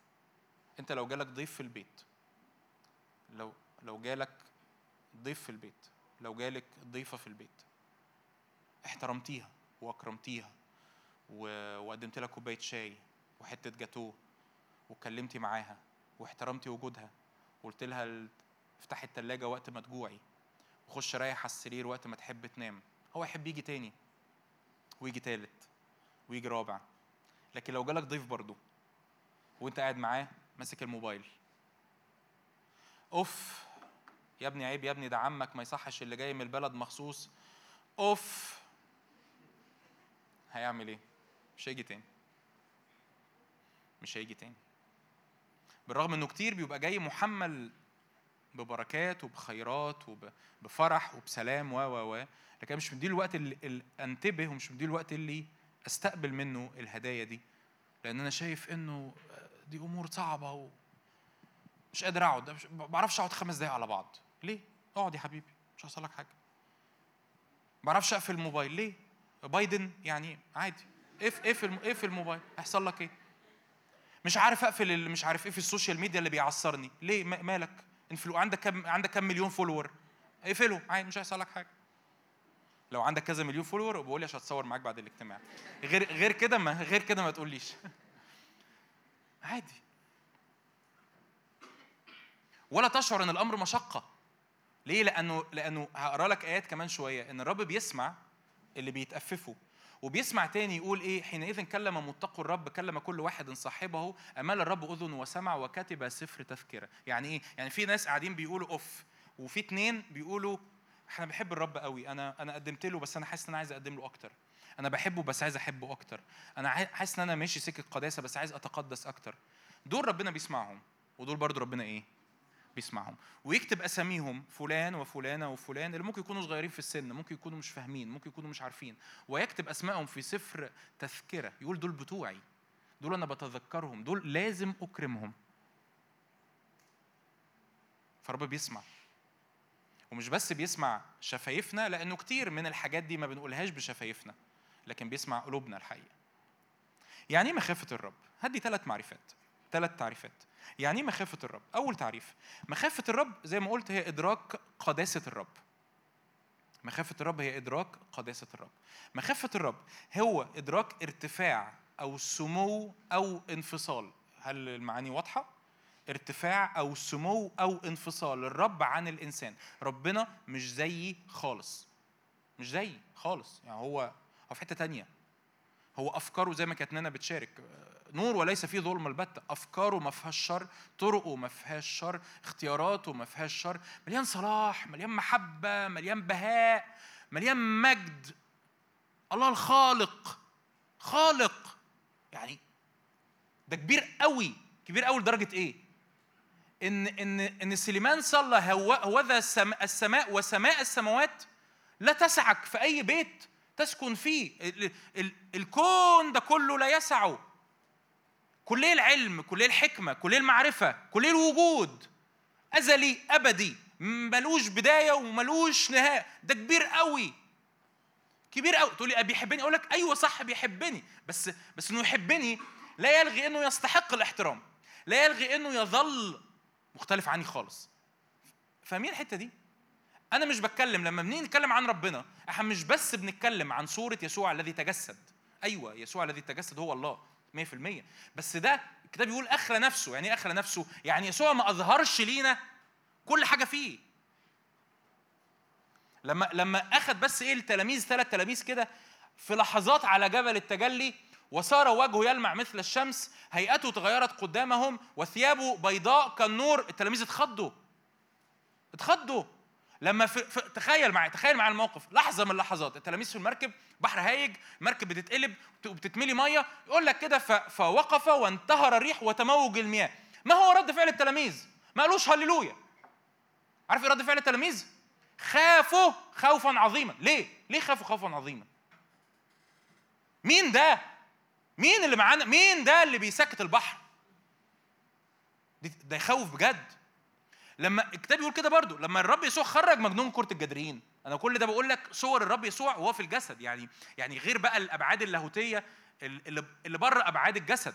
لما الرب يسوع خرج مجنون كر... خرج أرواح الشر اللي في مجنون كرة الجدرين مجنون كرة الجدرين يقول لك إيه؟ يقول لك كان بيجرح نفسه بالحجارة بيعور نفسه ماشي عريان ساكن في القبور يقول لك ما حدش كان بيقدر يعدي من هناك. رد فعل الناس لما لما مجنون كرة الجدرين اتحرر يقول لك وجدوه جالسا ولابسا وعاقلا لبسوه وقاعد كده هادي ورزين وبيتكلم يقول لك كده الناس اللي السكان هناك عارفين إيه رد فعلهم؟ خافوا خافوا ليه؟ ما هو ما هو لو في واحد إحنا كنا بنخاف منه وهذا الواحد ده في واحد جه طوعه يبقى التاني ده إيه؟ ده يخوف أكتر فكر فكر فيها كده ده يخوف أكتر لو إحنا كنا خايفين من واحد عليه أرواح شريرة هتقول لي انت عايز تخرجنا خايفين من ربنا لا مش عايزك خ... ما ت... انت لا مش مش ده بس هي حقيقة كده. لو أرواح الشر اللي بتخوف هذا الشخص جه وخرج أرواح الشر وهذا الشخص تغير جالس ولابس وعاقل يبقى مين عنده سلطان أعلى؟ يسوع ولا ولا ولا روح شر؟ يسوع. مين ع... مين كلمته ليها قوة أكتر؟ يسوع. مين منتصر ومين غالب يسوع. طب و... ده ده, ده طرد روح شر. فالطبيعي إيه؟ الطبيعي يا عم إحنا كنا خايفين من الراجل ده اللي كنا خايفين منه أنت غلبته. طب هنعمل إيه معاك؟ مش مش عارفينك. أنت مين؟ أنت إيه؟ أنت إيه؟ يعني جملة يعني أو تعبير أدق يعني. أنت إيه؟ أنت مش بس مين؟ لأن أنت مش إنسان زي انت أنت إيه؟ أنت عبارة عن إيه؟ ده الرب اللي إحنا بنعبده. إحنا بنعبد إله عظيم غير مرئي في العالم المادي لكنه حقيقي موجود في عالم الروح. قدير. خلق الكون ده العالمين اتقنت بكلمة الله. فأنا لما بتعامل مع الرب أنا بتعامل بإدراك إن أنا مش بتعامل مع مدير في الشغل مش بتعامل مع دكتور في الجامعة مش بتعامل حتى مع أبويا الأرضي اللي ممكن أرد عليه كلمة بايخة و... لا أنا بتعامل مع الإله خالق السماء والأرض. آمين؟ فمخافة الرب أول تعريف هو إدراك ارتفاع وسمو وانفصال الرب عن الإنسان إدراك حجم الرب الحقيقي وإدراك حجمي أنا قصاده. إدراك حجم الرب الإيه؟ الحقيقي. وإدراك حجمي أنا إيه؟ قصاده. يعني بيحبني آه بيحبني بس هو هو في حتة تانية خالص. عشان كده هقرأ لك طبعا تقرأ تقدر تقرأ اشعيا 6 آه، ويل لي إني هلكت لاني إنسان نجس الشفتين وساكن بين شعب نجس الشفتين لأن عيناي قد رأت الملك رب الجنود. فاشعيا صرخ لما شاف الرب. لكن هقرأ لك قصة في الايه في العهد الجديد عشان ما تقوليش ده عهد قديم. رؤيا 1 17 بيتكلم عن يوحنا الرسول لما شاف الرب يسوع. فلما رأيته سقطت عند رجليك إيه؟ كميت. ليه؟ هو هو هو يوحنا شاف مين في المشهد ده؟ يسوع. شاف يسوع الممجد. لما رأيته سقطت عند رجليك ميت وضع يده اليمنى علي قائلا لي لا تخف أنا هو الأول والآخر الحي وكنت ميتا ها أنا حي إلى أبد الآبدين ولي مفاتيح الهوية والموت لا تخف يعني إيه؟ يعني ما تخافش مني لدرجة إنك ما تقربش مني لا في احترام في مهابة فبتقرب مني فاهمين الفرق؟ في خوف يخليك ما تقربش من الرب وفي خوف يخليك تقرب من الرب باحترام الفرق واضح؟ تاني في خوف يخليك إيه؟ ما تقربش من الرب مش ده اللي بنتكلم عنه. لكن في خوف يخليك تقرب من الرب وانت مدرك انه فتح لك الباب وبيحبك وتجسد عشان يدخلك في شركة الطبيعة الإلهية. لكن وانت بتقرب منه انت بتتعامل مع مين؟ مع الرب. بتتعامل مع الإله ده اللي يستحق الاحترام يستحق المهابة يستحق التقدير يستحق المخافة. تاني تعريف من تعريفات المخافة. مخافة الرب هي إدراك حضور الرب في كل مكان. تاني تعريف من تعريفات مخافة الرب إدراك إنه الرب موجود طول الوقت في كل لحظة في كل مكان. ليس كلمة في لساني إلا وأنت إيه؟ قد عرفتها. أنا مش بتكلم عن واحد إنجاز التعبير. تخيل تخيل معايا المثل اللذيذ ده اللي نط لي في دماغي حالا كده في اللحظة دي. تخيل معايا واحد جه ركب لك كاميرات مراقبة كل البيت.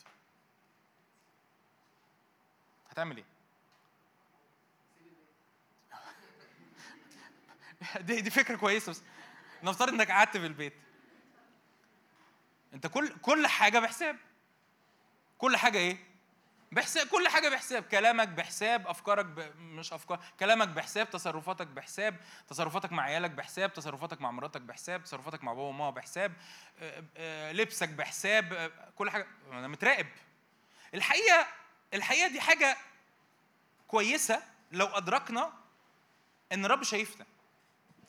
لأن يوسف كده قال في يوم من الأيام قدام امرأة فوتيفار أنتوا عارفين أنتوا عارفين ان, إن أنا كأني حاسس إن أنا بتكلم هندي؟ ودي مشكلة.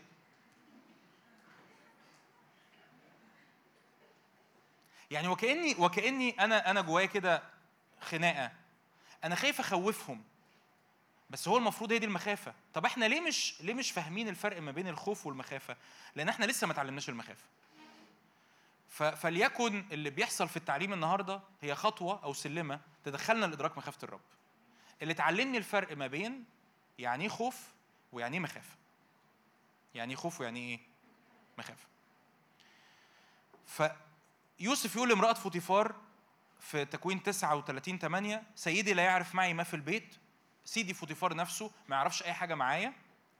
وكل ما له قد دفعه إلى يدي. ليس هو في البيت في هذا البيت أعظم مني. مفيش حد أعظم مني في البيت ده. أنا الكبير يعني يوسف بيقول لمرات فوتيفار أنا الكبير في البيت ده أنا اللي بعمل كل حاجة. ولم يمسك علي شيئا غيرك. أنت الوحيدة اللي قال لي ما المسهاش لأنك امرأته. فكيف أصنع هذا الشر العظيم وأخطئ إيه؟ فوتيفار مش في البيت. ولو أنا غلطت دلوقتي معاكي فوتيفار مش شايفني وما كانش في كاميرات مراقبة في وقتها. لكن في واحد تاني شايفني اسمه إيه؟ اسمه الله. مخافة الرب هو ادراك حضور الرب اللي معايا في كل لحظة. فيطلع فيا إيه؟ يطلع فيا إدراك إن الرب شايفني. شايفني فين؟ شايفني وأنا في البيت ومحدش موجود. شايفني وأنا بتعامل مع صحابي في الجامعة وأنا بعيد عن المؤمنين. شايفني وأنا مع صحابي. بعد الاجتماع بخرج مع صحابي من غير ما القادة يكونوا موجودين. ف فأنا تصرفاتي مين اللي شايفها؟ الرب مش إنسان. فانا مش قلقان ان انسان يشوفني في موقف معين لأن أنا قبل قبل ما اخاف الانسان أنا خفت مين؟ أنا خفت الله. فانا مش قلقان ان يتعرف في يوم من الأيام عني مشكلة. ليه؟ لأن أنا قبل ما اخاف المصيبة أو الفضيحة أنا خفت في الخفاء إله شايفني طول الوقت. فانا مفيش حاجة بعملها فيها ريحة المشكلة. فيها ريحة الفضيحة. تقول لي انت ما بتغلطش؟ أقول لك بغلط. بس في توبة في توبة سريعة. مفيش استمرارية في الغلط. مفيش استمرارية في الطين. هي دي المشكلة. المخافة بتطلع جوايا ال ال ال إن أقوم أتنظف بسرعة بالشكل ده. فيقول داود في مزمور 139 نقرأ مع بعض من أول عدد واحد. يا رب اختبرتني وعرفتني أنت عرفت جلوسي وقيامي فهمت فكري من فين؟ من بعيد مسلكي ومربضي ذريت وكل طرقي عرفت. ليس كلمة في لساني إلا وأنت يا رب عرفتها كلها. من خلف ومن قدام حصرتني وجعلت علي إيه؟ يدك. عجيبة هذه المعرفة. فوق ارتفعت لا أستطيع أنا مش قادر أفهم ال... إزاي يا رب تعرف كل حاجة كده؟ إزاي يا رب تعرف كل حاجة كده؟ فوق ارتفعت لا أستطيعها أين أذهب من روحك؟ من وجهك أين أهرب؟ إن صعدت إلى السماوات فأنت هناك. إن فرشت في الهوية فها أنت. إن أخذت جناحي الصبح سكنت في أقاصي البحر. هناك أيضا تهديني يدك تمسكني يمينك. قلت إنما الظلمة إيه؟ طب الضلمة هتغطيني. لكن لقيت إيه؟ الليل يضيء إيه؟ لو الضلمة هتغطيني فأنا لقيت ال- الليل بينور حواليك. الظلمة أيضا لا تظلم يديك حتى الضلمة مش موجودة عندك. والليل مثل النهار يضيء كالظلمة هكذا النور. أنت شايف الضلمة زي النور شايف كل حاجة.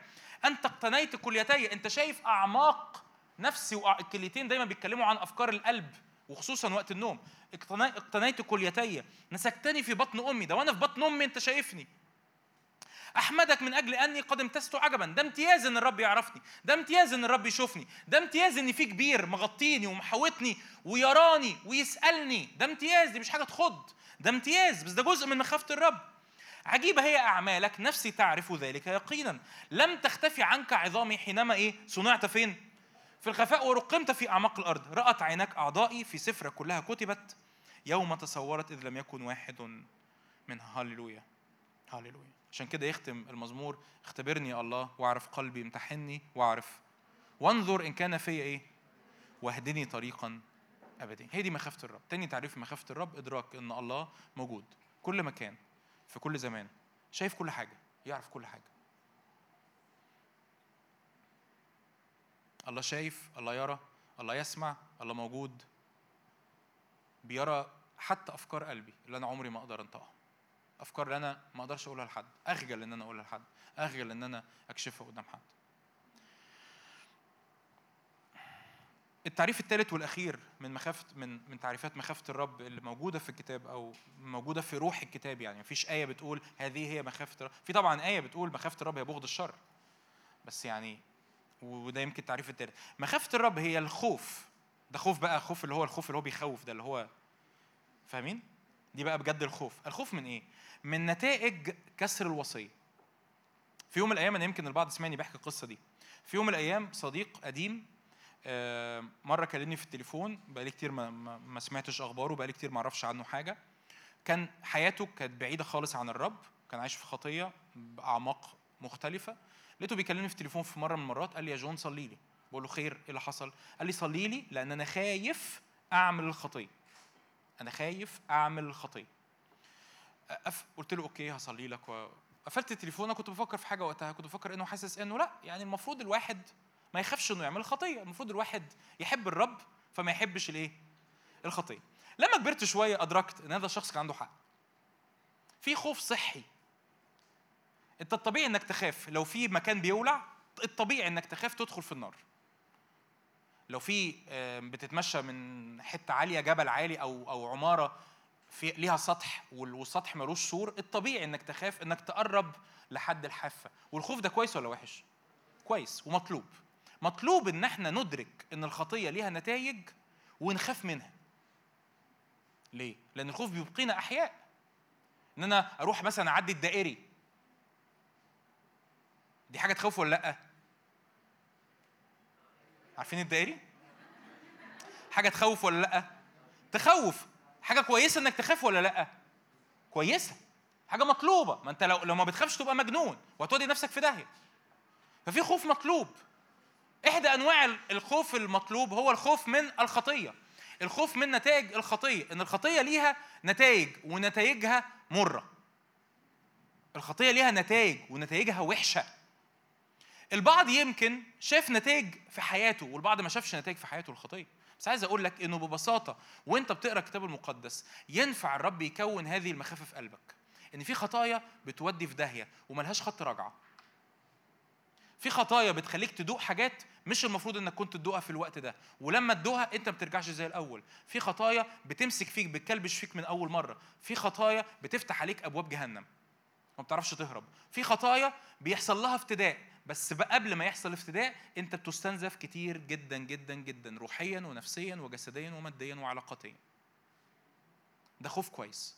إنك تخاف من الخطية لأن الخطية خاطئه جدا.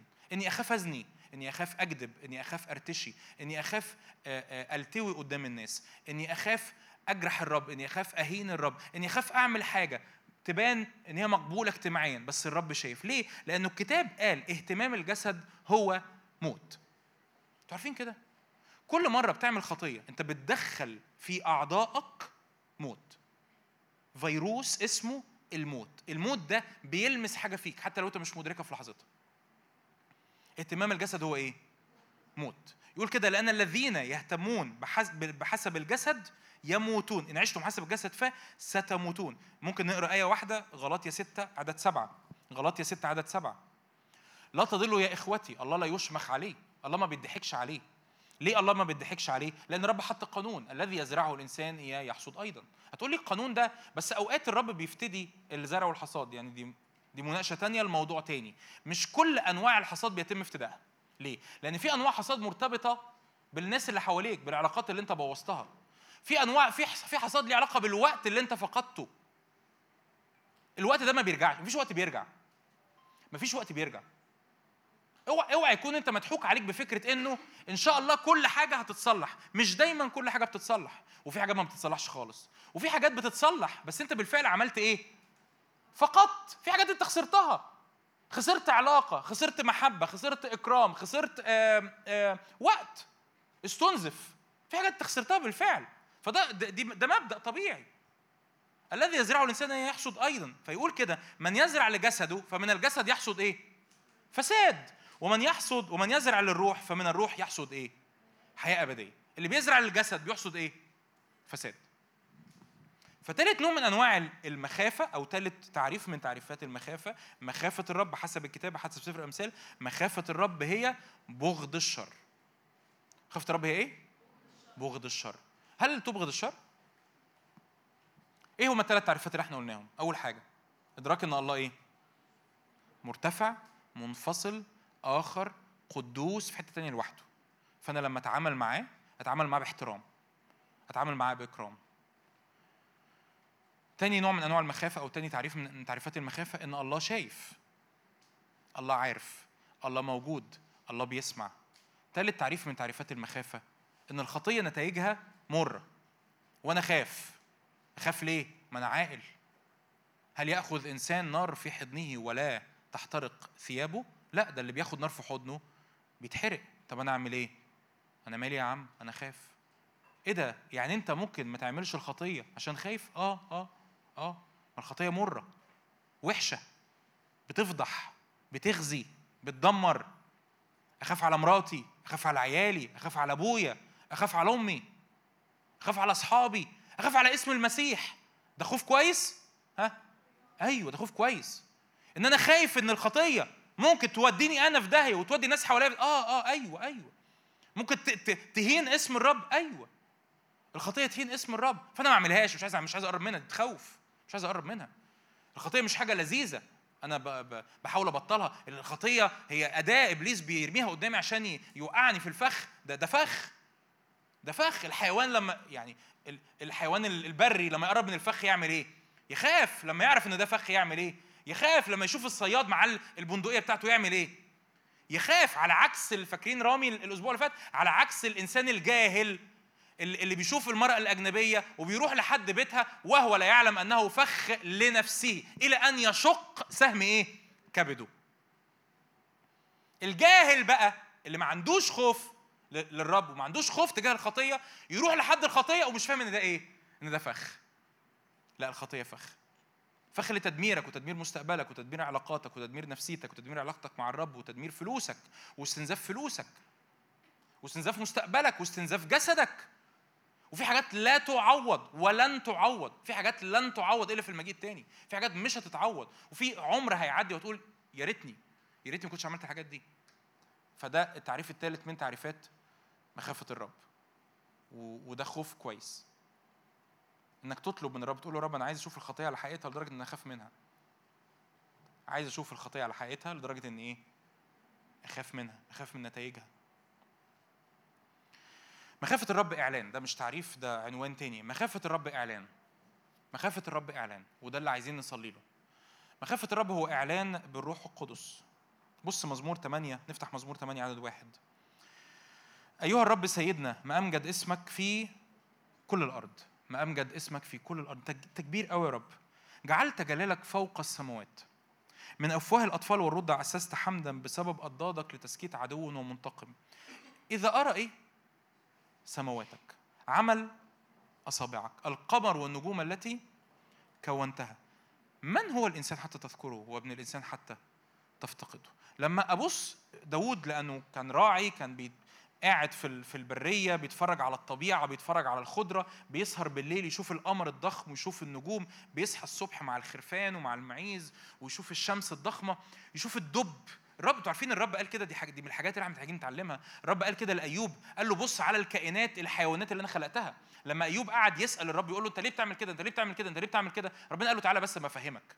هو انت هو أنت شفت هو أنت شفت الحيوان الضخم اللي اسمه لوياثان؟ ايا كان هو نوعه إيه يعني هل هل الرب كان بيتكلم عن كائن روحي ولا الرب كان بيتكلم عن التمساح ولا الرب كان بيتكلم عن الحوت ال- الأزرق أيا تعالوا نتخيل إن الرب بيتكلم عن التمساح. تعالوا نتخيل إن الرب بيتكلم عن التمساح. فأيوب عمال يقول له أنت ليه يا رب أنت ليه يا رب أنت ليه يا رب؟ فالرب يقول له تعالى بس تعالى تعالى بس أما أقول لك أنت شفت التمساح؟ إيه إيه يا رب شفت التمساح؟ أنا أنا داخل على National Geographic افهم بس افهم. أنت شفت التمساح؟ تقدر التمساح ده تلعب معاه؟ تقدر التمساح ده تقرب له بسناره تقدر التمساح ده تقرب له بعصاية. تقدر التمساح ده تقول له انت صاحبي. ما تقدرش. طب أنا خلقت مين؟ خلقت التمساح. شفت البهيموث ايا كان برضو نوع نوع البهيموث ده إيه؟ هل هو ال- ال- الثور الوحشي ولا هل ده سيد قشطة اللي هو الفرس النهر؟ ايا كان. قول له شفت شفت الحيوان أو هو كائن روحي؟ مش مهم. بس نتخيل برضو للتبسيط. نتخيل للتبسيط إن البهيموث ده سيد قشطة. شفت سيد قشطة؟ رب بيقول لأيوب كده. شفت سيد قشطة؟ تقدر تلعب معاه. تقدر تتكلم معاه تقدر تقرب منه. فأيوب طبعا الإجابة إيه؟ ما أقدرش. أنا بقى خلقته. فداود يقول كده داود يقول أنا شايف سماواتك. عمل أص... إحنا ما بنش... إحنا نسينا الكلام ده. أنت أنت النهارده عصر الحداثة والهيومانيزم وال... والإنسان هو لا الإنسان مش أنت ولا حاجة. أنت نفسك حتى اللي, في... اللي... نبضة قلبك أنت لا تتحكم فيها. نبضة قلبك لا تتحكم فيها. هضمك لا تتحكم فيه. النف... اللي هي الحاجات اللي تبقيك حي انت لا تتحكم فيها. والرب قال يعني الرب كانه صمم قال ما أنا لو سبت لهم الحتة دي هيموتوا نفسهم. لو خليتهم يتحكموا في الحاجات دي كمان هيموتوا. فالأفضل إن أنا أعمل إيه؟ أخليها أوتوماتيك ما, يقربوش منها. ولا نفس ولا هضم ولا ولا ولا رئة ولا قلب ما ما- مش هينفع مش هينفع الإنسان يخش في دي كمان. ده الحاجات دي أنت ما بتتحكمش فيها.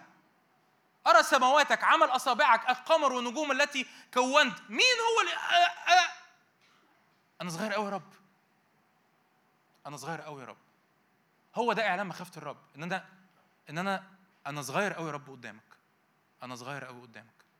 تخش في الحياة ويقول لك مع- مع- معترك الحياة ومقتبل الحياة والشباب ومش عارف إيه وهتعمل وهتحقق وهتجيب وهتودي لا لا لا ريلاكس خاف الرب الأول.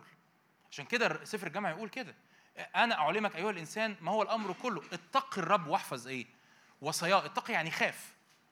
Fear the Lord. خاف الرب. اتعامل مع الرب بمخافة باحترام. ادرك إن الرب هو الله إن الرب كبير إن الرب مهوب إن الرب ليه احترامه. أنت صغير. أنا صغير. مش أنت لأن أنت شاب أنا كمان صغير. أي إنسان في الدنيا صغير. وزي ما الرب اتعامل مع أيوب داود بيورينا بص على الخليقة. أبسط حاجة. بص على الخليقة اللي حواليك. بص على نفسك في المراية. يا رب انت كونتني نسكتني في أعماق البطن. عظامي رقمت وهي أمامك في الخفاء. أنا أنا ما كنتش أعرف حاجة وما بفهمش حاجة ولحد النهارده ما أعرفش حاجة وما بفهمش حاجة. أنت عظيم قوي يا رب. أنت ليك احترامك يا رب. أنت كبير قوي يا رب. عشان كده في سفر اشعياء عدد 11 يقول كده يحل عليه روح الرب روح الحكمة والفهم المشورة والقوة روح المعرفة ومخافة الرب. مخافة الرب زي ما قلت هو إعلان من الروح القدس. إعلان من الروح القدس. بس ده مش معنى إن هو إعلان من الروح القدس إني ما أعلمش عن مخافة الرب لأن التعليم بيفتح مجال للإعلان وده اللي إحنا عايزينه. فأنت مش هتطلع النهارده تمسك لا لا ده إعلان. يعني إيه إعلان؟ يعني تصلي مثلا وافهمني إن ده ده المفروض إنت إنك تطلبه أنا مش بتأمل. تصلي مثلا إن الرب يريك مشهد صغير من إعلاناته فتسقط عند رجليه كميت زي ما يوحنا سقط هي دي مخافة الرب. تصلي إن الرب يوريك نفسه زي ما حسقيال شافه. فتدرك قد إيه هو عظيم دي مخافة الرب. تشوفه زي ما إشعيا شافه تشوف ويله ليه إني هلكت؟ إيه ده؟ إيه ده؟ أنا إزاي كنت عايش بالخطية و... ومتعايش معاها و... و... وبلعب على ربنا وبلعب على الناس اللي حواليا. وفي الآخر وفي الآخر بقول أنا مؤمن وكويس. آه أنا مؤمن آه بس في حاجة محتاج أتعامل معاها. دي مخافة الرب. فروح القدس يعمل الإعلان ده من خلال روح مخافته وده اللي هن- هنصلي آه، مع بعض. وإحنا بنصلي وبنعبد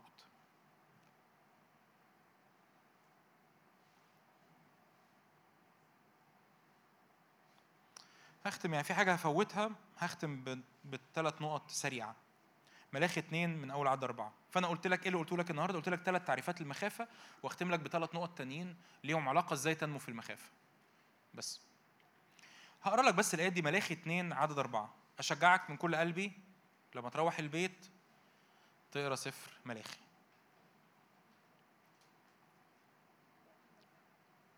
طب أقولها بطريقة تانية؟ كم حد يوعدني يقرأ سفر ملاخي النهارده قبل ما ينام؟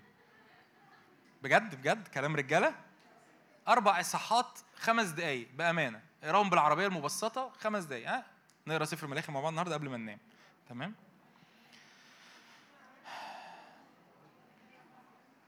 يقول كده الرب تعلمون أني أرسلت إليكم هذه الوصية لكون عهدي مع لاوي فالرب بيقول أنا في العهد القديم عملت عهد مع لاوي قال رب جنود. كان عهدي معه للحياة والسلام. بص العهد اللي الرب بيدخله معانا ينتج إيه في حياتنا؟ ح- حياه وايه وسلام. كان عهدي معه للحياه والسلام. فنتيجة عهد الرب إيه؟ ها؟ الحياة والايه دي حاجة كويسة ولا حاجة وحشة؟ حد يحب يبقى داخل في عهد مع الرب وطول الوقت يبقى حاصل في حياته حياة وسلام؟ مين يحب؟ تمام. فده عهد لاوي. تمام؟ طب العهد ده بيشتغل إزاي؟ أعطيت إياهما للتقوى تثير مي لكي يخافني. أنا اديته العهد ده عشان يخافني. فاتقاني فهو فعلا خاف مني. ومن اسمي إرتاع. إرتاع جاية بصيت النهارده عليها في الترجمة العبري. إرتاع معناها معناها كده يعني. مش لاقي لها كلمة عربي. معناها وكأن واحد واقف قدام حد ومن كتر الخوف بيتفك من بعضه. ده ده المعنى الكلمة العبري. فالرب يقول أنا اديت للاوي عهد الحياة والإيه؟ والسلام. وقلت له العهد ده هيشتغل إزاي؟ إنك تعمل إيه؟ تتقيني تخافني. فلاوي عمل إيه؟ فخافني. مش بس خافني عمل إيه؟ ارتاع أمامي. ده احترمني جدا. ده احترمني قوي. فإيه؟ ومن ومن اسمي ارتاع هو شريعة الحق كانت في فيه. الكلمة كانت في فمه. طول الوقت بينطق الكلمة. طول الوقت بيصلي بالكلمة. واسم لم يوجد في شفتيه. ما بينطقش كلمة غلط. سلك معي في السلام والاستقامة. كان بيعيش معايا في السلام وفي الاستقامة وفي القداسة. السلوك العملي. أرجع كثيرين عن الإثم وكمان بينادي رجوع للبعاد عن الرب. يقول لهم تعالوا ارجعوا معايا لمين؟ للرب. لأن شفتي الكاهن تحفظان معرفة. الكاهن كان بيحفظ المعرفة ومن فمه يطلبون الشريعة لأن لأنه رسول رب الجنود. عدد ثمانية بص بقى. لكن أنتوا بقى يعني فكأن الرب بيحكي عن لاوي بتوع زمان. عارف لما يقف خادم؟ أو أنا أنتوا ما شفتوش الحاجات دي. زمان كنت بحضر كده اجتماعات معينة بغض النظر عن اتفاقي أو عدم اتفاقي. بس أنت مدرك انت مدرك من غير كلام من غير ما الخادم يتكلم إن هذا الخادم بيخاف ربنا. عارف لما ما أعرفش يعني كام حد مننا كده لسه جده عايش أو لسه تيتا عايشة وجده ده راجل تقي راجل مؤمن راجل بيحب الرب يصحى الصبح يحط كتاب مقدس على على حجره ويلبس البيجامة كده. عارفين حد حد عنده شاف الحاجة دي شاف جده أو تيتا يلبس البيجامة يحط كتاب مقدس على رجله يقول له يا رب حضرتك إحنا بنحبك حضرتك يا رب إحنا ممكن تتريق عليه وتقول يا رب حضرتك ده الرب؟ إيه ده, ده مش فاهم النعمة ده ايا كان. بس أنت مدرك إن هذا الشخص بيحترم ربنا. فهو كأن الرب يقول كده. بتوع زمان لاوي بتوع زمان كانوا بيحترموني. بس أنتم المشكلة إيه؟ أما أما أنتم فحدتم عن الطريق أعثرتم كثيرين بالشريعة استخدمتوا الكتاب المقدس غلط. يا عم ده إله النعمة يا عم سيبك يا عم ربنا يعوض ده إله المحبة اعمل وما يهمكش. أي أفسدتم كثيرين بالشريعة أفسدتم عهد لاوي بوظتوا العهد ده. قال رب الجنود أنا أيضا اصيركم محتقرين ودنيئين عند كل الشعب. ما حدش يحترمكم. عارفين كده؟ عارفين كده؟ عارفين إن الخادم اللي ما بيحترمش الرب ما حدش بيحترمه؟ أنتوا عارفين لو بكلم ال... ال... يعني حضراتكم اللي فيكم بيخدم أو هيخدم أنتوا عارفين الخادم ما بيخافش الرب محدش بيخاف منه محدش بيحترمه محدش بيقدره؟ بيقل. الرب قال كده لصمويل قال لعالي قال له خلي بالك يا عالي حاشا لي إني أكرم الذين إيه؟ يكرمونني والذين يحتقروني يعملوا إيه؟ يصغروا. فالرب قال الرب يقول كده للاوي أنت عايز تبقى خادم؟ كم حد هنا عايز يبقى خادم؟ ما تخافش بقى ارفع إيدك ما تخافش ما تخافش. هتخدم في اسم يسوع هتخدم ارفع إيدك. خلي بالك خلي بالك خلي بالك. الر- الرب يقول كده للخدام لو انت ما بتحترمنيش اصيركم محتقرين ودانيين عند كل الشعب. الشعب هي... هيجي لك ليه؟ ما هو حاسس إن مفيش مخافة الرب في قلبك. كما أنكم لم تحفظوا طرقي بل حبيتم في الشريعة. أربع حاجات هختم بيهم. أربع حاجات. عهد لاوي كان بيتضمن إيه؟ الاقتراب من الرب وعبادته كلمة الله في فمه سلوك باستقامة بيخدم الآخرين. سهلين؟ واحد. أول حاجة عبادة حية بيروحوا بالحق. زي ما كانت نانا أنا مش متفق مع نانا نانا مش عارفة أنا هوعظ عن إيه بس زي ما كانت نانا بتتكلم أنت بتقترب للنور فالنور بيغيرك فلا يوجد ظلم البتة في قلبك لأن الله نور ليس فيه ظلم البتة فالرب بي بيغير النور اللي فيك. إيه أول حاجة؟ تعبد وجها لوجه. تحب الرب. تقول له رب أنا بحبك أنا بتغير لصورتك. نحن جميعا ناظرين مجد الإيه؟ مجد الرب كما في مرآة نتغير إلى تلك الصورة يعني فأنا بتغير بتشكل بيحصل تغيير في قلبي ألاقي حتة ظلمة. يعني ينفع ينفع بقول له أحبك يا ربي؟ وأنا متخانق مثلا ضارب مراتي ولا بتخانق مع صاحبي ولا ولا شاتم واحد ولا أنا أنا جاي أنا جاي مثلا بالعربية واحد كسر عليا. أنا بيحصل معايا. كسر عليا يا مش عارف إيه. و... يا جون اعقل يا جون ليه؟ أنا مش عايز الظلمة فيا. لأن أنا هقف قدامه. أنتوا عارفين في وصية بستغرب قوي الناس ناسيها؟ عارفين الوصية اللي بتقول آه، إن ذهبت لتقدم قربانك وتذكرت تذكرت أن لاخيك شيئا عليك فاترك هناك قربانك على المذبح واذهب اولا اصطلح. أنا في ناس هستغرب هم هم هي الوصية دي وقعت من الكتاب المقدس بتاعهم؟ هي الوصية دي ليه مش موجودة؟ يعني الكتاب الوصية بتقول إيه؟ الوصية بتقول لو أنت رايح تعبد وأنت رايح تعبد افتكرت إن أنت متخانق مع واحد صاحبك روح اعتذر لصاحبك أنت السبب يعني أنت اللي غلطان فيه. روح اعتذر له قبل ما ترنم. الكتاب بيقول كده. دي دي مخافه إدراك إن أنا مش بعبده بشفايفي. هو هو يعني مش ترنيمة مش بندندن له مش بنعمل له جو. لا في عبادة بالروح وبالحق في سجود قدامه. ففي أنا مدرك إن أنا واقف قدام النور فأنا مش قابل إن النور يفضل مكمل فيا. تاني حاجة كلمة الله في فمه، أنا هقولهم لك بسرعة مش هقعد أوعظ بقى عن الكلمة وعن العبادة وعن وعن كلمة الله في فمه، يعني إيه؟ هو قريب من الكلمة، بيحب الكلمة، بيلتصق بالكلمة، الكلمة هي الناموس هي القانون بتاعه.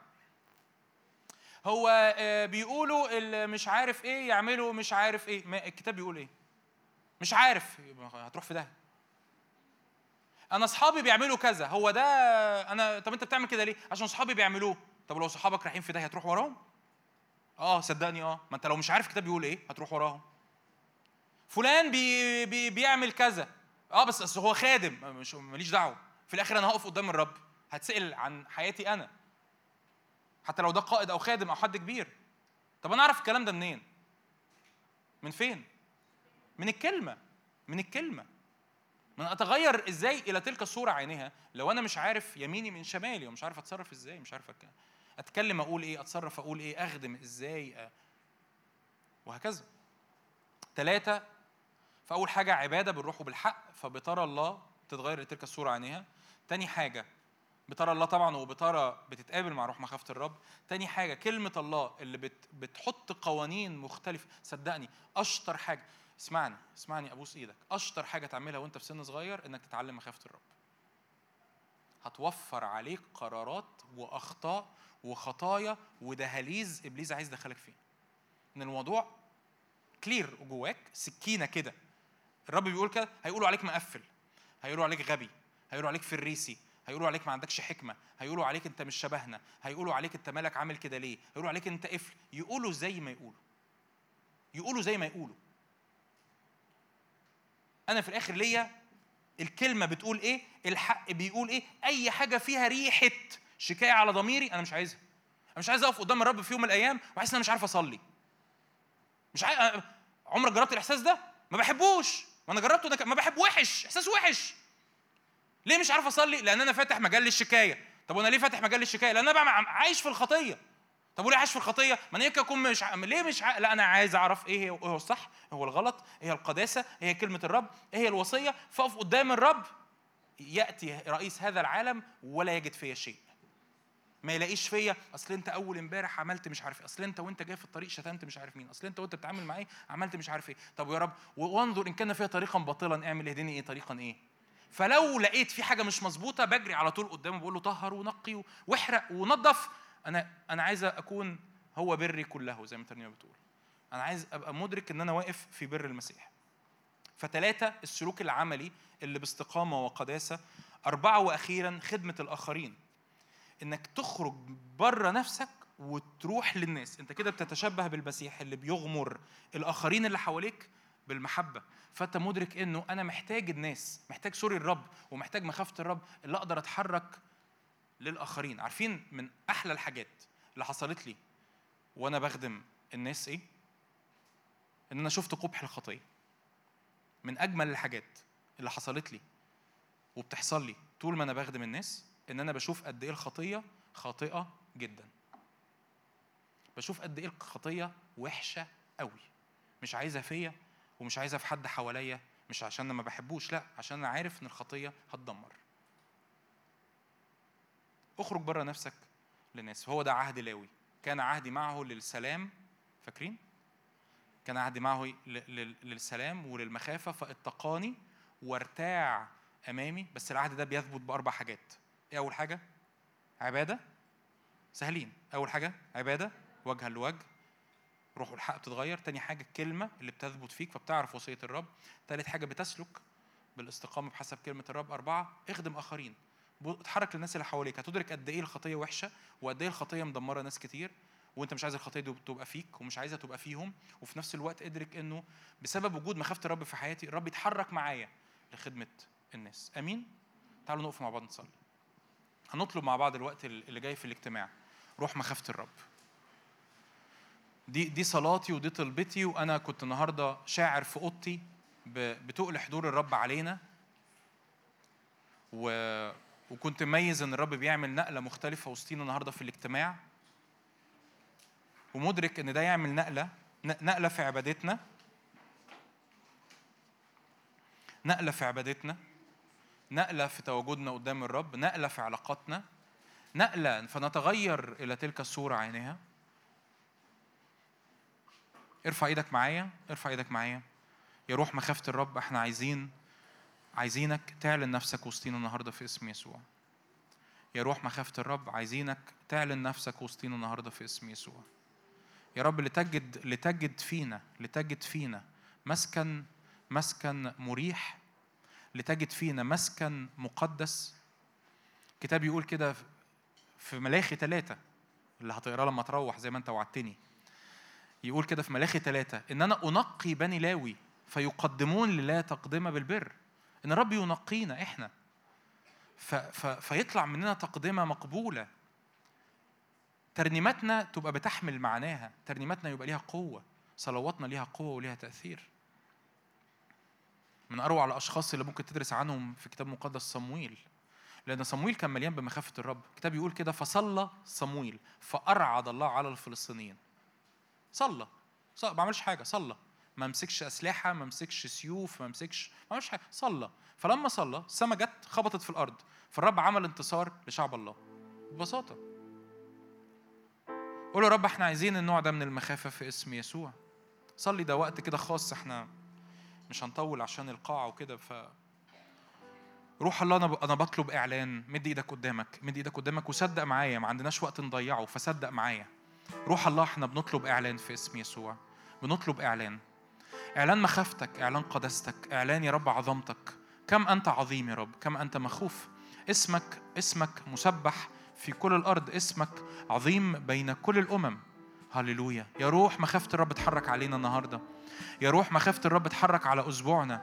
يا روح مخافة الرب اتحرك على خلوتنا. يا روح مخافة الرب اتحرك على عبادتنا. يا روح مخافة الرب اتحرك على علاقاتنا. يا روح مخافة الرب اتحرك على سلوكنا. يا روح مخافة الرب اتحرك على بيوتنا. يا روح مخافة الرب اتحرك على صداقاتنا. يا روح مخافة الرب إملانا وغمرنا فنتعلم أن نحيا أتقياء. أتقياء بنخافك بنحترمك. بنحترمك. يا روح مخافة الرب. تعالى أيد الكلمة بالآيات التابعة. أيد الكلمة بحضورك. دي أهم حاجة. تعالى أيد الكلمة بحضورك. اعلن حضورك. اعلن شخصك. اعلن مهابتك. أنا بصلي افتح عينين هنا في اسم يسوع. افتح ودان. افتح أذهان. افتح قلوب. تدرك حضورك. تدرك مجدك. تدرك عظمتك في اسم الرب يسوع. الكتاب بيقول كده. فلا يرجعن إلى الحماقة. يعني اللي بيتقابل مع الرب بقوة ما بيرجعش تاني لغباء الخطية. ما برجعش تاني للغباء بتاع الخطية ما برجعش تاني للغباء بتاع البعد عن الله. يا روح مخافة الرب افتح عينينا في اسم يسوع. جيل يخافك جيل يخافك جيل يخافك. جيل مقدس جيل طاهر جيل نقي في اسم الرب يسوع. جيل يا رب بيملى بيملى عينينا وبيملى قلوبنا وبيملى أفكارنا. يا رب مخافتك في اسم الرب يسوع. يا روح الله يا روح الله اعمل النقلة اللي انت عايز تعملها النهارده في اسم يسوع. اعمل النقلة. اعمل النقله اطلب معايا اتحد معايا اتحد معايا. اعمل النقلة يا روح اللي انت عايز تصنعها فينا النهارده في اسم الرب يسوع. نقلة تقديس نقلة تقديس نقلة مخافة نقلة مهابة للرب. نقلة أن الرب يسكن في وسطنا ويثبت سكناه في وسطنا ويثبت خيمته علينا في اسم الرب يسوع. يثبت حضوره في وسطنا في اسم الرب يسوع. لأن الرب يعدي. الكتاب يقول كده آه، حينئذ كلم متقوا الرب كل واحد صاحبه. والرب أمال أذنه. رب سمع وأمال أذنه. وكتب سفر تذكرة. رب يقول ده هنا في اتنين صحاب بيحبوني واتنين بنات هنا بيحبوني ومجموعة شباب هنا بيحبوني ومجموعة بنات هنا بيحبوني وفلان وفلانة هنا بيحبوني وبيطلبوني. أنا أميل أنا أميل أسمع هما بيقولوا إيه وأكتب أساميهم في سفر تذكرة. أكتب أساميهم أسكن في وسطهم أكرم نفسي في, في وسطهم وأكرمهم في اسم يسوع. اسم يسوع.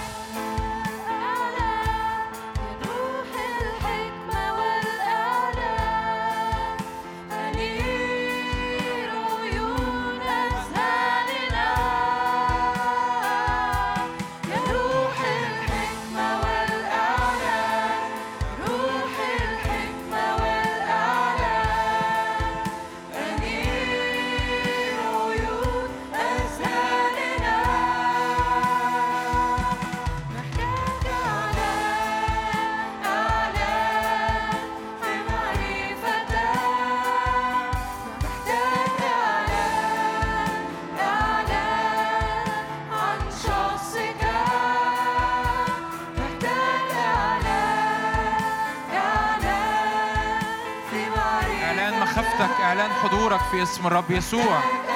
في اسم يسوع إعلان مخافتك علينا. تقدس أوانينا. هاليلويا تقدس قلوبنا. تقدس حياتنا. تمتلك كل ما فينا في اسم الرب يسوع. امتلك كل ما فيا. جسدي ونفسي وروحي. هاليلويا يا روح مخافة الرب اتحرك علينا. انسكب علينا في اسم يسوع. اسم يسوع.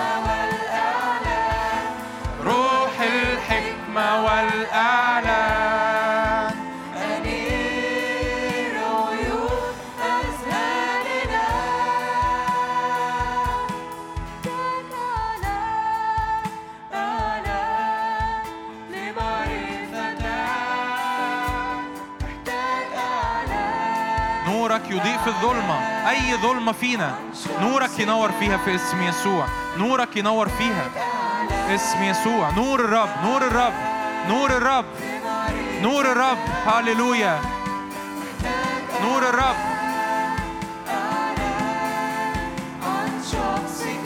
اعلن معايا. نور الرب. نور الرب على ذهني نور الرب على قلبي نور الرب على سلوكي نور الرب على قداستي الشخصية نور الرب على حياتي في الخفاء نور الرب على كلماتي وأفكار قلبي في الخفاء نور الرب على علاقاتي نور الرب على فلوسي. صلي صلي لأجل دوائر معينة. أنت شاعر أن أنت محتاج نور الرب فيها. قول يا رب أنا بطلب نورك يا رب على أفكاري. نورك يا رب على أحلامي. أنا أؤمن أؤمن كده ب... إن في موجة من الرب الروح القدس عايز يعملها النهارده. اعلن صلي معايا. يا رب نورك على ذهني. نورك على مشاعري نورك على قداستي نورك على اختياراتي نورك على علاقاتي يا رب احكم منور احكم منور احكم منور نورك على فلوسي نورك على شغلي نورك على كلمات فمي في اسم الرب يسوع نورك على علاقاتي نورك على صداقاتي نورك على اصحابي نورك على أهلي نورك على بيتي لا يكن فيا ظلم البتة صلي اعلن كده لا يكن فيا ظلم البتة وكل ظلمة يحكم عليها في اسم الرب يسوع كل ظلمة يحكم عليها في اسم الرب يسوع. صلي معايا. يا رب احكم على الظلمة. احكم على الظلمة فيا. يا رب الظلمة لا ليس لها فيا مكان. الظلمة تهرب في اسم الرب يسوع. الظلمة تهرب وليس لها فيا مكان في اسم الرب يسوع. اسم يسوع. اسم يسوع.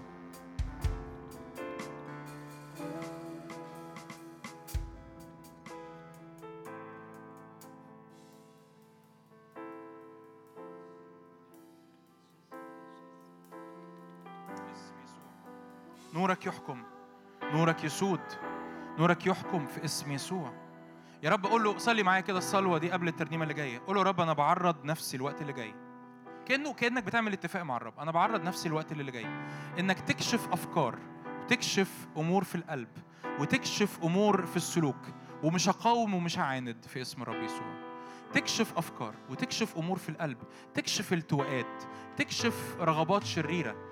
تكشف نيات خاطئة ومش هعاند ومش هقاوم في اسم الرب يسوع.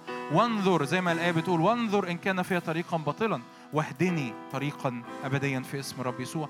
انظر إن كان فيها طريقا باطلا واهدني طريقا ابديا في اسم يسوع. إلى النار الآكلة لأنك دعوتنا. لنكون قديسين النار تقدسنا في اسم يسوع. نقترب إلى النار الآكلة. لأنك دعوتنا لنكون قديسين نقترب إلى النار الآكل نارك تخصص لأنك دعوتنا لنكون قديسين نقترب. نقترب إلى النار الآكلة. لأنك دعوتنا لنكون قديسين أهي الأزل الأبدي. أقف أمامك. أنا ذا ارسلني أهي الذي أهي الأزل الأبدي أقف أمامك. أنا ذا ارسلني الذي وجهه الذي وجهه يلمع كالشمس. عيناك لهيب نار تجلى الآن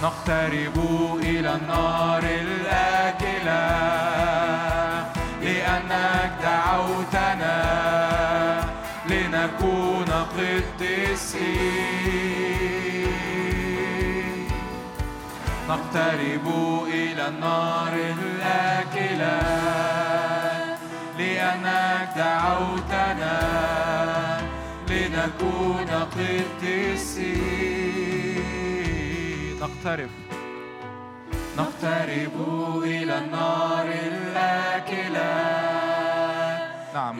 اختراق في اسم يسوع. نقلة في اسم يسوع. في اسم يسوع. نقلة قداسة. هاليلويا مرة كمان نقترب. هاليلويا نقلة في القداسة. اختراق في أجواءنا. في اسم يسوع. سكن الحضور الإلهي في وسطنا. في اسم يسوع. هاليلويا هاليلويا نقلة. اختراقة هاليلويا هاليلويا نقترب. نقترب. نقترب. نقترب. نقترب إلى النار الآكلة لأنك دعوتنا شوف النار شوف العليقة المشتعلة شوف عينيك لهيب نار. هللويا هللويا.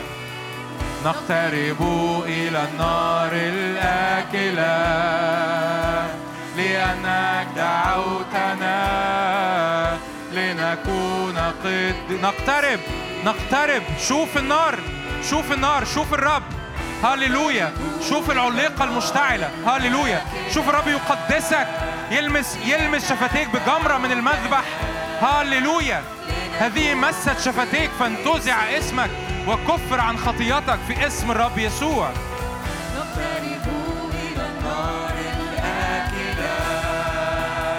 لأنك دعوتنا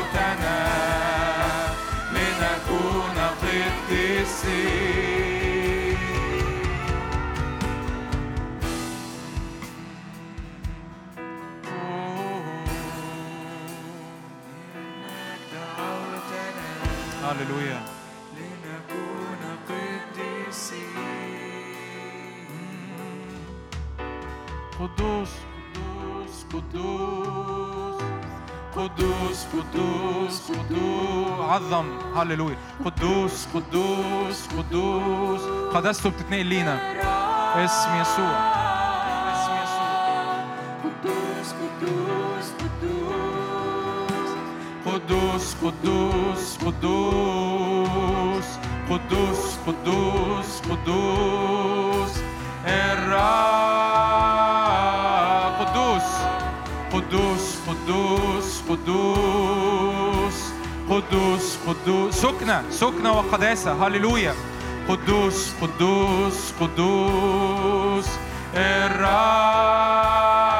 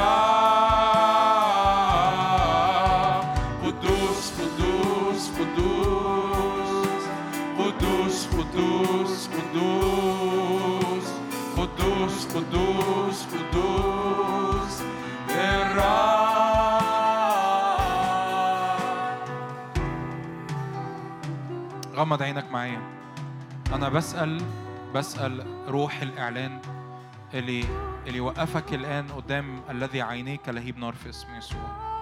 اسم يسوع. شعر إن في اختيارات بتتاخد. ممكن يبقى في خسارة للفلوس ممكن يبقى في خسارة لعلاقات ممكن يبقى في خسارة لأمور أو مشاريع أنت بدأتها ممكن يبقى في خسارة لشكل قدام الناس. كان الرب بيقول أنت بتقدسني. الرب قال كده لهارون في القريبين مني أتقدس وأمام أعين جميع الشعب أتمجد. اسم يسوع.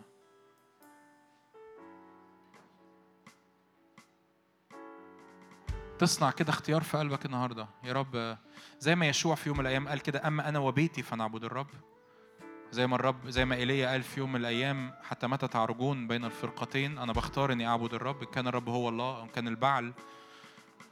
كأنك بتعمل اختيار كده النهارده في قلبك. يا رب أنا بختار إني أتبعك. بختار إني أمشي وراك بختار إن أنت هو إلهي أنت هو ربي أنت هو سيدي. مفيش صوت مفيش صوت تاني بيعلى. صوت الفلوس صوت الشغل صوت المنصب صوت العلاقات صوت الوحدة صوت المشاعر النفسية صوت أي أمر في حياتي. ما يعلاش في اسم الرب يسوع. صوتك هو الأعلى. صوتك هو الأعلى. صوتك هو الأعلى. صوتك هو الأعلى. صوتك هو الأعلى يا رب. صوتك هو الأعلى في حياتي في اسم الرب يسوع. اسم يسوع. اسم يسوع. بختارك بختارك وبختار إني أنفصل. بختار إني أنفصل. بختار إني أقطع. بختار اني أعمل ختان إني أنفصل عن كل أمور عن كل طرق عن كل اعوجاج عن كل التواء عن كل عن كل كلمات عن كل سلوك عن كل أفكار في اسم يسوع عن كل أمور في القلب كل أمور في الفكر كل أمور في السلوك. تقول لي وده ممكن؟ أقول لك أيوه ممكن أيوه ممكن لأن الله هو الرب مقدسنا هو يهوى مقدسنا هو الرب مقدسنا هو الذي يخصصنا هو النار الذي يأتي ويقدسنا ويطهرنا فيطهر وينقي بني لاوي فيقدمون تقدمة البر في اسم الرب يسوع. قول يا رب شكرا لأنك أنت تقدس أنت تطهر فأقدم تقدمة بالبر في اسم الرب يسوع. اسم يسوع.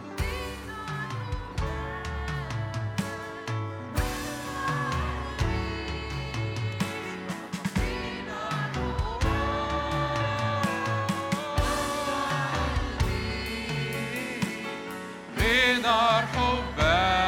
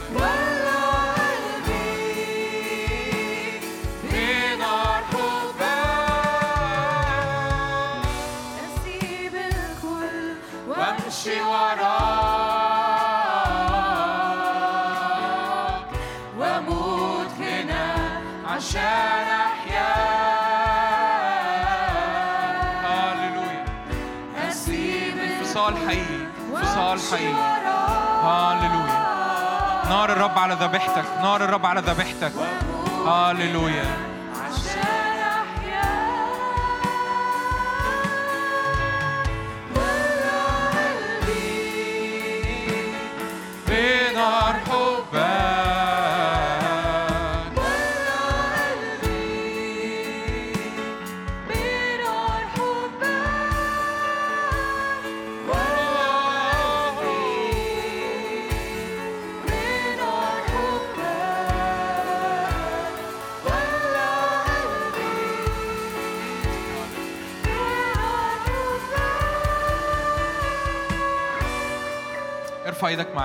معايا صلي معاك صلوة أخيرة قبل ما أسيب المنبر. ارفع إيدك معايا. يا رب أنا بختار إني لو تحب تقول ورايا قول ورايا. يا رب أنا بختار إني أخافك في الخفاء زي في العلن. أنا بختار يا رب إني أكرمك مش بس يا رب بشفتي لكن بقلبي بسلوكي وباختياراتي. أنا بختار يا رب إني أعرفك بكل القلب.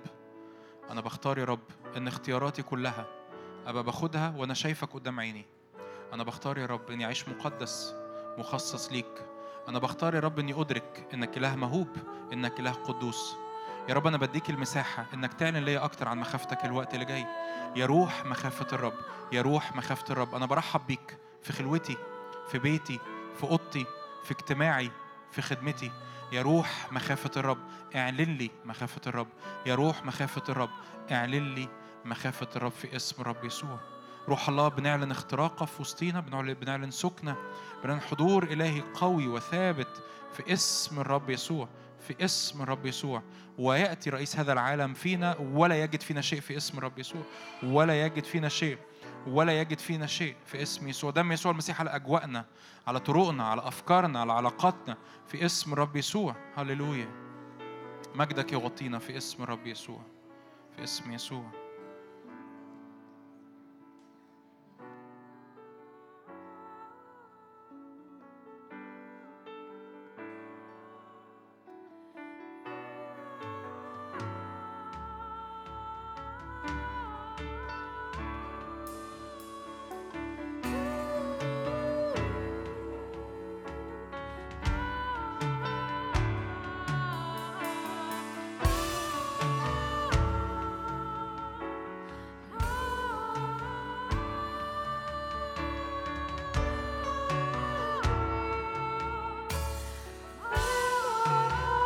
معرفش أنتوا آه، حاسين بالمخافة ولا لأ؟ في آه، في رهبة في المكان. مش عارف كم حد حاسس بحاجة. أنا مصدق إني زي ما جون بيقول في نقلة.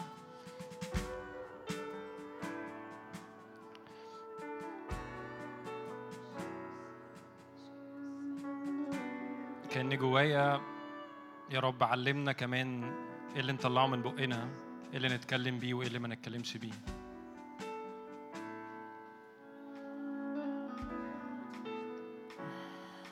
إيه القعدات اللي ينفع نقعد فيها وايه القعدات اللي ما ينفعش نقعد فيها.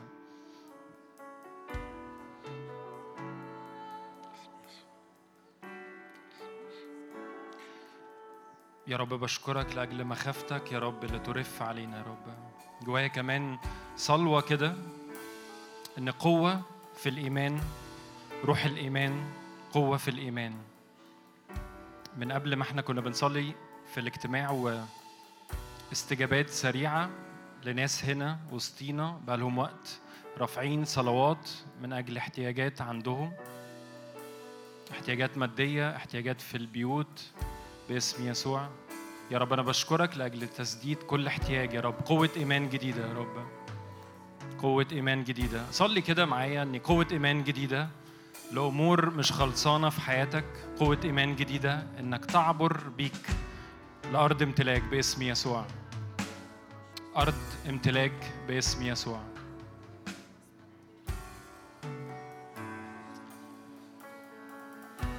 أمين. أنا بس عايز أعمل حاجتين. الحاجة الأولانية